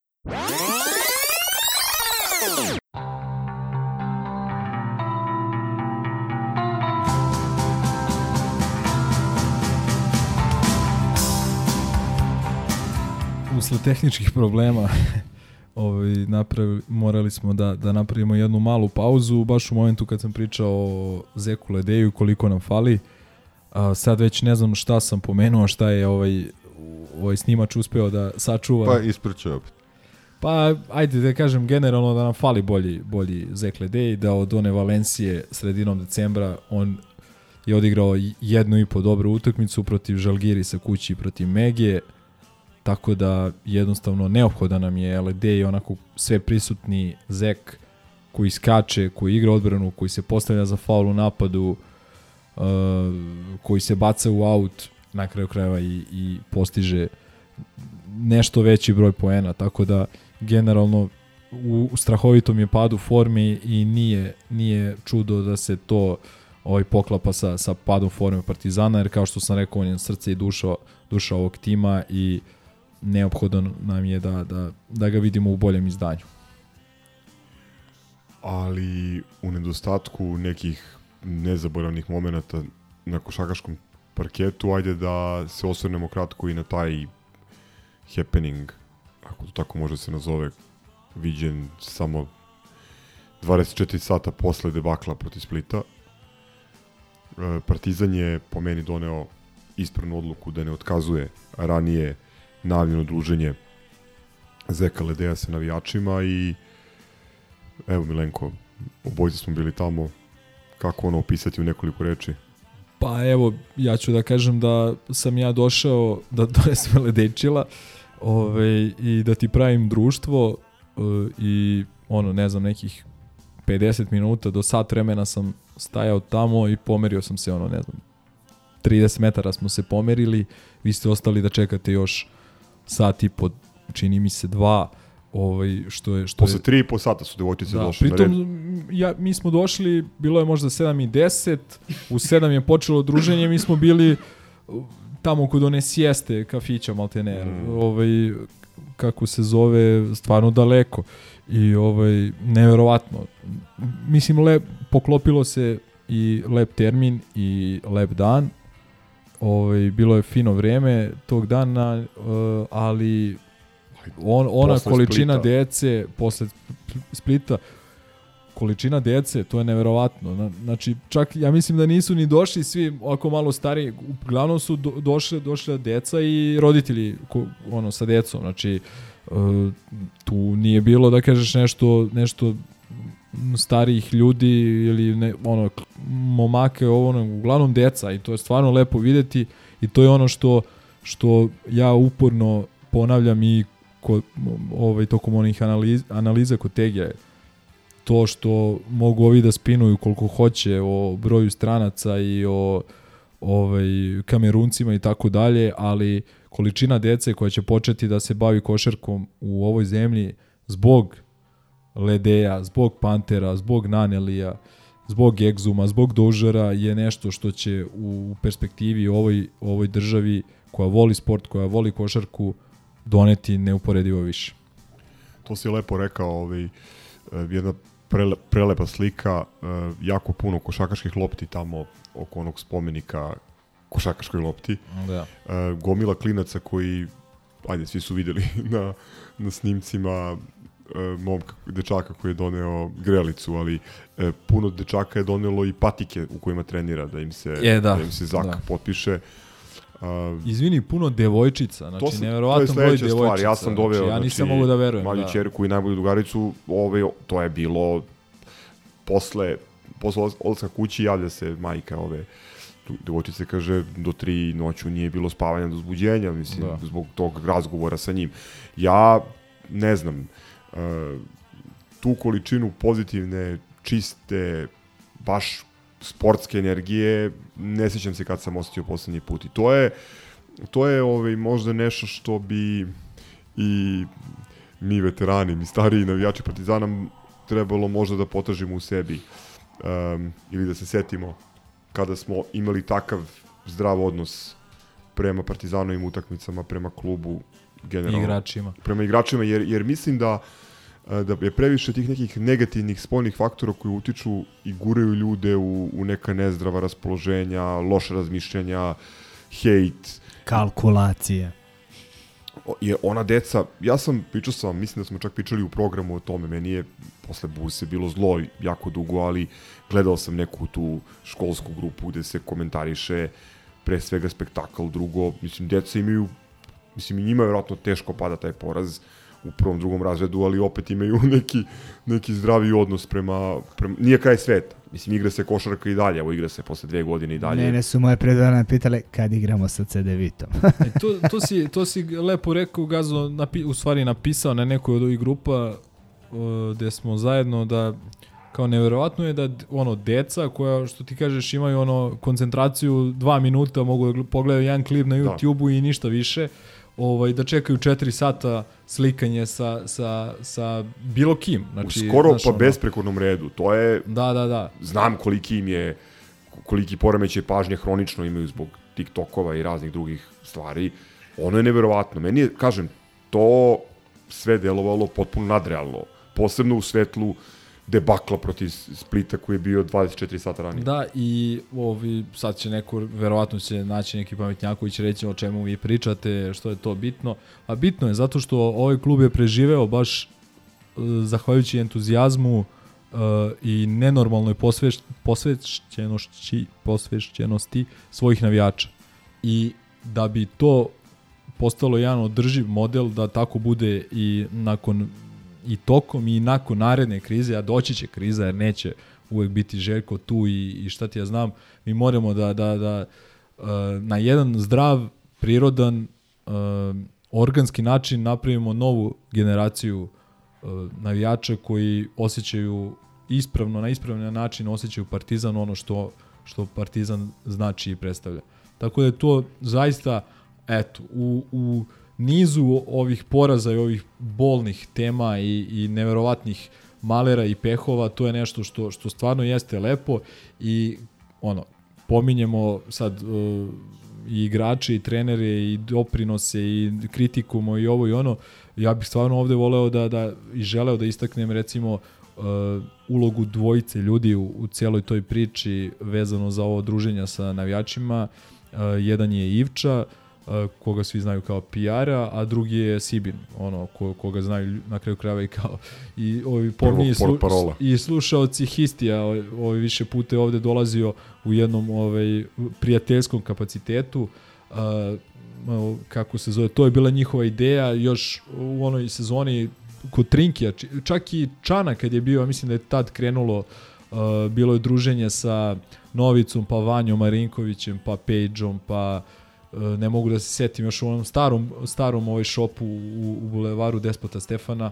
Znači, to je jedna stara ideja koja je dobila mm, i na ovaj, masovnosti ovaj, zahvaljujući i rezultatima na kraju krajeva Partizana, što hvala Bogu pa je, pa je slučaj. E, ovaj, na stranu sad ovi neki lični utisci koji su zaista jaki, koje sam želeo da podelim, ali u pravu si ti mi ovde pričamo o, o tom događaju zato što postoji jedna šira poruka i važnija poruka, to je ta poruka održivosti Partizana sutra, budućnosti i sledeće generacije navijača. Samo hoću da napravim za kraj priče o ovoj, o ovoj temi spojku sa početkom sezone i prodom sedanskih karata.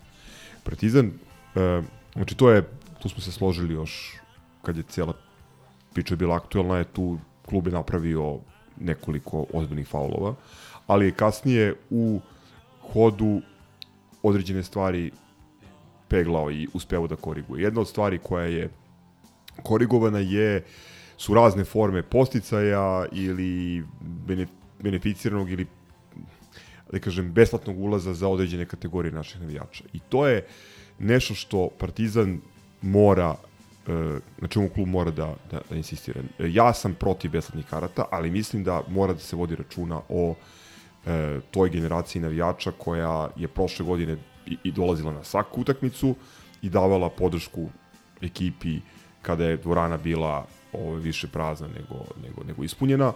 E, postoje razni modeli, ovo nije ni vreme ni mesto sada da pričamo o njima, ali mislim da upravo uh, sve afirmativne akcije koje klub ima na, na, na umu ili u planu treba da budu vođene time da ona deca koja su se okupila ispred arene i čekala 4 sata u redu, da, da, da tu decu mora da bude mesto u dvorani. Da. I ne znam, ono, evo, možemo sa time da se prebacimo i na Igokeu. Gde su navijači gde su takođe ponovo, znači, posle, glavni utisak. Posle pet poraza u jednom potpunom crnilu, ono, katastrofa. Mislim, verovatno pretpostavljam da nisu ni na treninzima atmosfera da nije bila uh, najbolja, jer kako da bude kad se izgubi toliko. Ovaj, tebe dočeka ono bakljada tamo na prilazu. Ok, sve to, da kažemo, već postalo uobičajeno, ali, ali opet, kažemo, iz Ali perspektive, ali za Doužara Kaminskog, ovog, ono, u stvari Kaminski nije išao, ali Kaboklan, razumeš ono, e, prijatelji, aj vidite gde ste došli, pogledajte, znači odeš u drugu državu, e, bez obzira ka, ono, ljudi tamo kako se smatraju i osjećaju, ali činjenica prešao si pasušem si prešao ovaj neke granice i put, putuješ 3 4 5 sati do te Banja Luke, jebote tamo te dočeka ono nekoliko hiljada ljudi, dece, uh, tu uh, praznik, al stvarno ono pr- praznik u, doslovno praznik e, košarke, praznik Partizana i lepo je eto nakon svih tih poraza lepo što smo ovaj prekinuli prekinuli tu crnu seriju, ali lepo je što je ovaj, ta publika tamo koja je na neverovatan način dočekala kao po običaju igrače Partizana, što su im se oni konačno odužili i odigrali jednu zrelu, koncentrisanu, kvalitetnu utakmicu, dostojnu podrške koju imaju. Eto, samo tako da, da kažem, nećemo, ne moramo previše o toj utakmici, jer stvarno Igo Kea je umeđu vremenu uh, Dosta promenila, promenila sastav. sastav, otišao je nekoliko najboljih igrača, ovaj, tako da nije bilo realno da, da nas ugroze, ali, ali opet... Nije bilo realno ni u prvoj, pa ops. Pa nije, ali, ali pazi, oni su igrali FIBA ligu šampiona, znaš, opet su, znaš, ono, Ne, ne, naravno, ali, ali složit bilo, ćemo se bilo da, je tu, da ali nije nedopustivo, Me- naravno. znaš. Mega Split i Gokeja Nedopustivo. nisu tri poraza, po, o, pogotovo što su dva od ta tri došla na domaćem terenu. Ove, ovo je utakmica kako bi naši ovi igrači koji su u drugoj poziciji, koji nisu najopterećeniji u Evropi, morali da igraju Vezanih očiju. Tako je. To mora da bude standard. Da. Konačno smo videli ponitku. Da, najbolja partija u dresu od kada je Partizana. došao ovaj, u Partizan. E, ono što mi se nije dopalo je da je držao se za rame opet. Dobio jedan bezobrazan udarac. Da, nadam se da, da to nije ništa ozbiljno, ali definitivno ako hoćemo nešto, ako, ako se nadamo nečemu u, u ostatku sezone, uh, Ponitka, Kaminski, Kaboklo, pa i Smith moraju da, da daju, daju veći doprinos o Aleksi, o. Aleksi i Andjušiću i Alenu, naravno, ono, Da. mislim, neću da govorim, pošto to je opšte mesto. Samo bih istakao Balšu. Eto, to je ono utisak ne samo ove utakmice, nego mesec dana unazad. on Koristimo je on igrao baš. dobro i u Atini, igrao je dobro i u Bolonji, uh, u ABA ligi je ovaj, već ove sezone možda jedan od boljih igrača ako uzmeš sve u obzir. tako da tako da treba ga stvarno istaći i i momak i ima izuzetno dobre izjave. Ovaj on je rekao šta je ono rekao da li pred Bolonju ili posle Bolonje moramo budemo svesni grba uh, koji nosimo, dresa koji nosimo i rekao je pred Igokeu kao mi moramo pobedimo kako znamo i umemo. Znaš. Mislim to, ok, sad će neko reći pa dobro pobediti i to, ali generalno i deluje mi da je on promenio taj mindset sa američkog na ovaj naš, ovaj, da je trebalo malo vremena, ali neuporedivo bolje se ponaša i izgleda od, od recimo od Tristana. Znaš, tako da. E, ovo se baš odužilo, ali ostalo nam je ovde od teza još kup. To dolazi sad za dva dana. Pa da, rekao bih očekivano što se tiče ko izostao od stranca koji ide očekivano su ispali ka Boklu zbog katastrofalne forme. Kurca bolje. Ponjitka, eto, koji nažalost tek je dao znakove života i ko je baš... Smith. I Smith, da. Smith koji nekako... Da. Ba, baš je očekivano. bilo. Očekivano i eto, nadamo se da će Kaminski ponoviti igre protiv Čovićevaca kak, k- ove, on je bio jedan najbolji igrač ako se uzme ovaj, ove Čekaj, tri na koga mi idemo posle? Ne znam, e, ali kad smo već kod kupa i samo, samo ovaj, e, mislim da je stvarno i, i mesto i vreme da pomenemo protivnika našeg u četvrt finalu. E, dakle, sad već ima dosta, video sam, nema... Dangubić, ali gotivno. Da, ne, e, nema, nema... Uzmi stole Alfa Dangu. Nema, nema, mislim, ko nije uradio sad reportažu, vidio sam i Blic, i RTS, i ne znam ko, o Mondo ili št, ne znam ni ja, o Hercegovcu iz, iz uh, Gajdobre. Uh, sad, verujem ko ide na utakmice, onako baš ozbiljno ide na utakmice i, i redovno zna ko je Stojan Dangubić i ovaj, poznato je to i, i, i lice svim navijačima Partizana. Ko ne zna, ja bih ono opisao bi ga kao jednog od ono uh, ajde da kažem ono veliki prijatelja stvarno ono i, i mojih lično a verujem i, i ostatka histi ekipe ali i o, čoveka koji ima tako jedan ono zdrav odnos prema Partizanu baš smo pričali o, o deci malo pre on ima u tom nekom smislu kao dete, kao to dete što je čekalo u redu 4 sata, isto takav odnos A ima radi se o Stojan. čoveku koji je bio u Istanbulu, na primjer.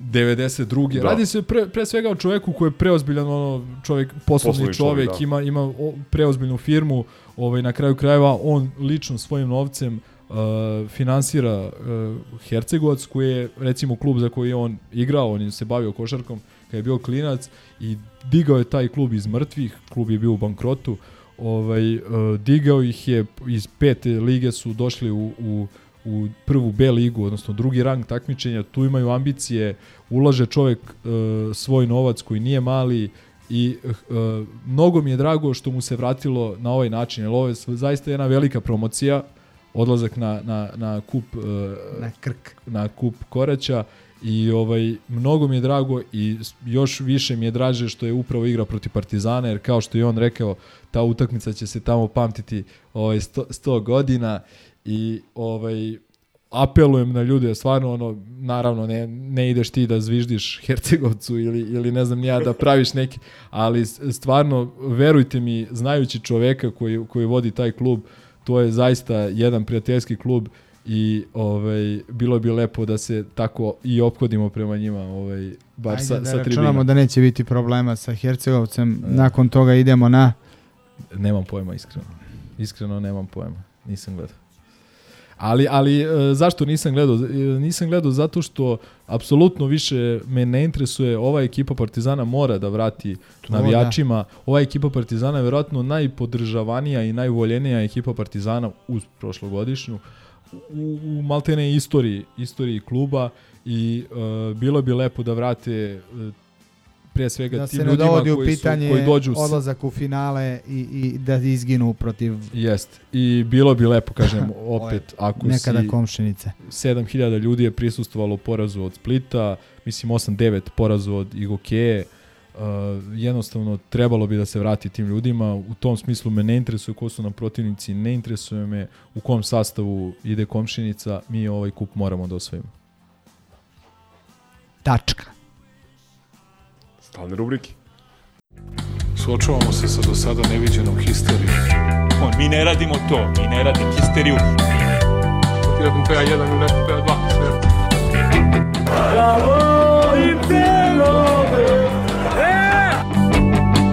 Smrt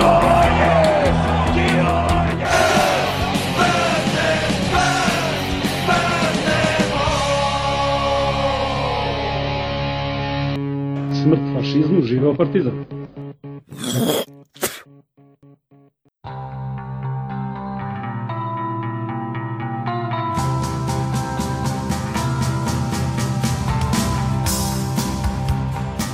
Evo, dokotrili smo se do stalnih rubrika. Za početak, eh, hashtag vama omiljen ništa sporno ili fuck you referee. Tu se sama nametnula. Gogecova omiljena situacija koju deli, evo, i ujutru i uveče. I delit ću do... do To je ovaj Kivan Evans, partijski neprijatelj broj 1. Ove, evo, Euroliga organizovala veštačenje i objavila... devet, devet kamera, devet uglova, kao u velikom bratu. Ali nije, nije dovoljno.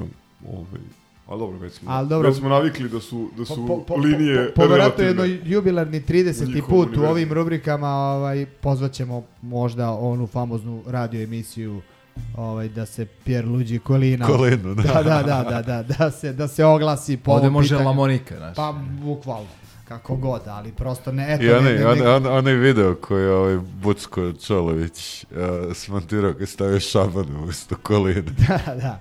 I, i ovaj, ja bi samo rekao država da uradi nešto. Milenko. Uh, šta, uh, kad, kad pomenu Kinana Evansa, nevezano za rubrike, se sjećaš ti da on igrao i Igo Kej? Zaboravio sam iskreno. Ovaj, neverovatno koji napredak je. Bote. Ono, pošto smo pričali u ok, sad pojenu sad mi ono, ovaj, nešto mi to prođe kroz glavu. Ali ajde, kad sam već rekao ovo država da, da uradi nešto, ovaj, da pozdravimo ovaj, naše komšije, eto, tako ću ih nazvati, koje već iz nedelje u nedelju ovaj, onako vrlo glasno ćute, da tako kažem, i šalju poruku državi na svakoj utakmici, ali državi, podlačim, jer zna se, eto, ovaj, da oni su uvek protiv svakog zla koje je ovaj napada Srbiju osim onog jednog koje je njihovo ovaj tako da da eto opet ću reći država duradi nešto Prelazimo na objave. E, imamo onu novu rubriku, pod rubriku, to ste sigurno zapamtili. Čemu ovo? E, ovo je nešto što je preteklo, odnosno što nije pomenuto u prethodnim epizodama. Portal Srbije danas je objavio jedan fantastičan tekst pod naslovom e, Grobari ga zvali celo leto, a on došao da gleda zvezdu. E, u pitanju je Gogi Dragon. E, s tim što autoru sa Srbije danas portala vjerojatno nije palo na pamet da ovaj možda slučajno došao da gleda svog rođenog vrata. Ove, ali eto, ne znam, ne znam kako drugačije da protumačim tu situaciju. Jelenko, jel gledaš folder? E, pa ne gledam. Ajde, krenuli smo. Je, sad jedno pitanje, ovaj, malo off topic, jel baguje još nekome Viber? Kad smo već kod Baguje, naše grupe ne. i... Baguje big time. Da, da, da. E, Sport klub Sferopulos i gospodin podsjeća me na Ma uh, Michaela Corleonea. Jeste vidjeli taj da, da, naslov? da, da, da. To je rekao i Aleksić, ja mislim. da Toliko o gospodstvu. pa onda je ona podrubrika uh, Ćušni partizan u sve negativno, a to je bivši futbaler Partizana uhapšen na Kosovo i Metohiji. To je onaj nesrećni Teofilus Solomon. tako je, koji je ono igrao na poziciji Mm. not in the squad otprilike, ali dobro. Ovo je pod rubrika Jet Set. E, bio je neki ne znam, ljubavni trougo, tako su ga tabloidi opisali između Ja bih rekao ciganska posla. Pa dobro, možeš i tako. E, uglavnom, e, persone dramati su Nikola Petković, bivši futbaler Crvene zvezde i Bjelica Nemanja, e, Bivši bivši junior, Crvene bivši junior Partizana, Partizana, da. i um, da. On je, igra, i, kako su rekli, plaća ga Fenerbahče da igra za zvezdu, ali tako? Da, da. Odnosno da ne igra za ono što se zove zvezda. Sad mi, sad mi žao što se već smontirao ovaj, posledinu jer bi baš lego jedan bizar love triangle od New Ordera, ali pijanik, šta sad. Možda sledeći put. Naslov u čini mi se smeće grafu, rekao Jeste, gde, je smeće po prelomu. Nikola Petković se oglasio povodom napada na Bijelicu. Dve tačke. Ovo je citat, doslovan. On je lično napadač, ladna žrtva i navija za partizan.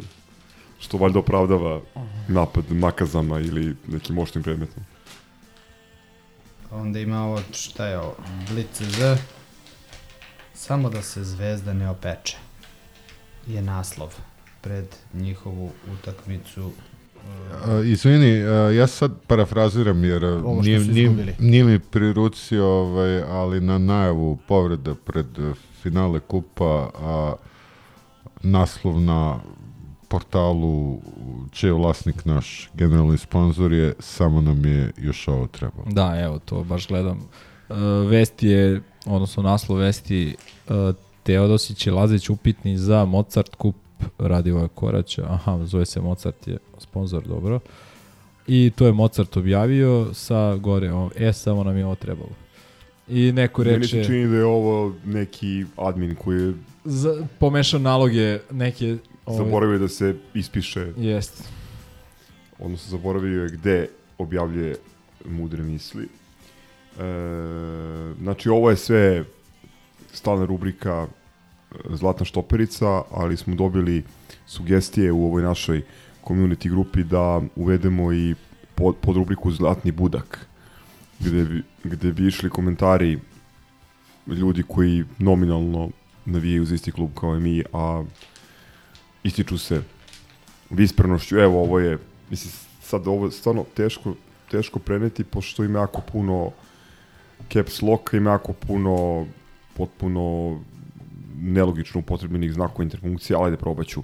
Podnesi ostavku, ostavka je veliko, pa šest znakova uzvika. Povedi svoj stručni štab se veliko i trener može doći bilo ko, znak uzvika, znači bukvalno tako.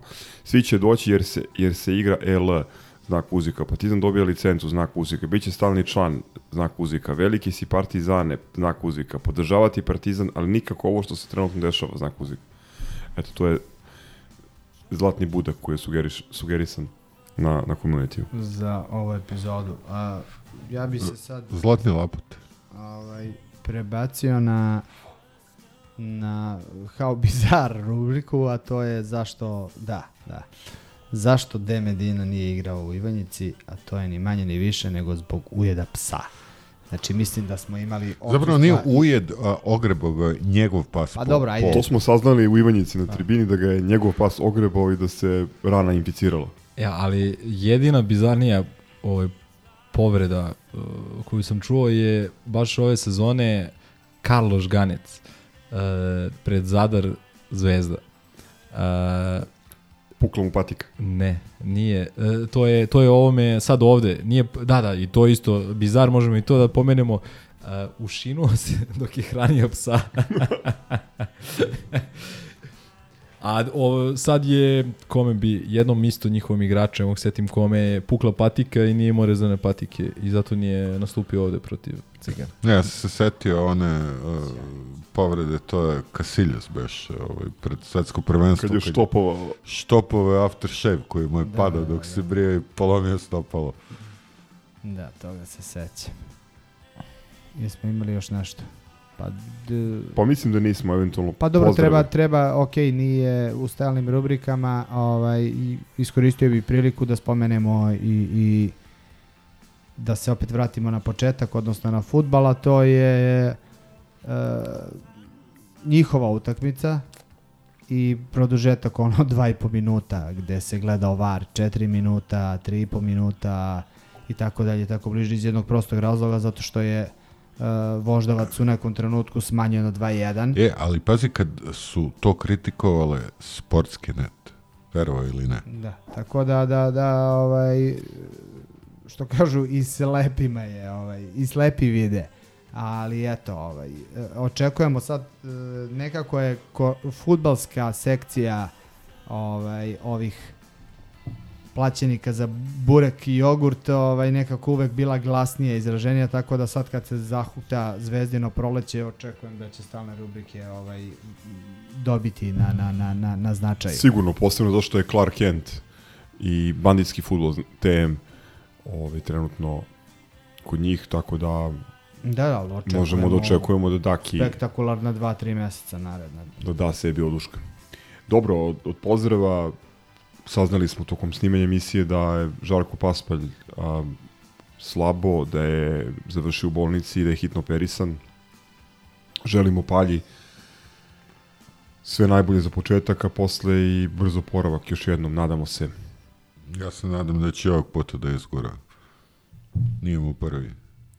Uh, ja bih pozdravio dvojicu, dvojicu trenera. Jedan je moj omiljeni Andrea Trinkieri.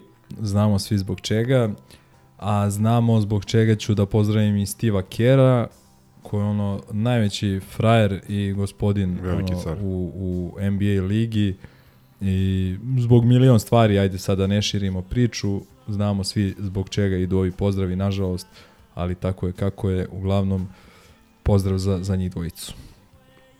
Ja ću pozdravim onda koji je, sad da li je na boljem mestu ili ne, to je diskutabilno, ali bolje mu je nego nama. Bolje mu je sigurno. nego nama, da, da, to bez Glumi daljnjeg. Hemingway. Da.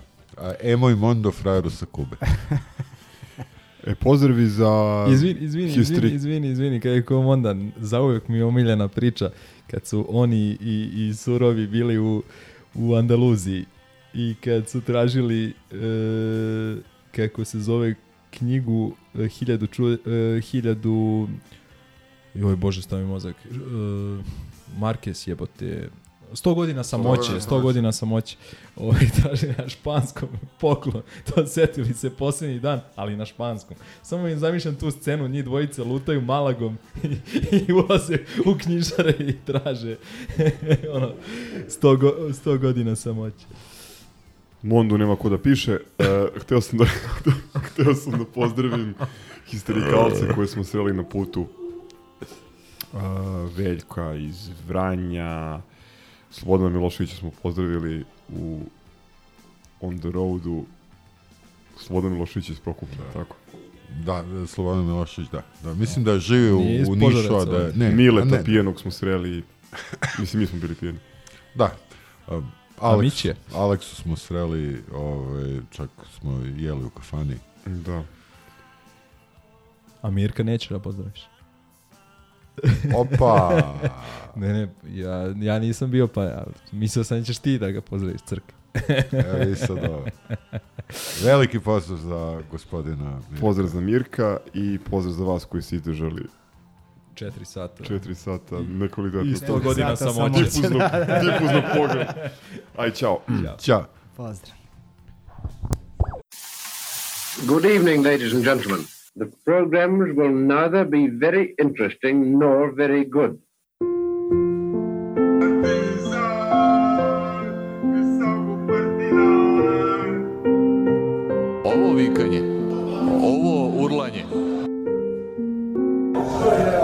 Studera treba se sastavlja ne ekipa.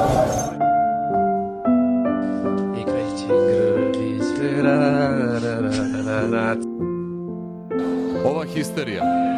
Zapitajte se kako to utiče na ljude koji to gledaju. Na primjer na decu. A great deal of experiment has yet to be done.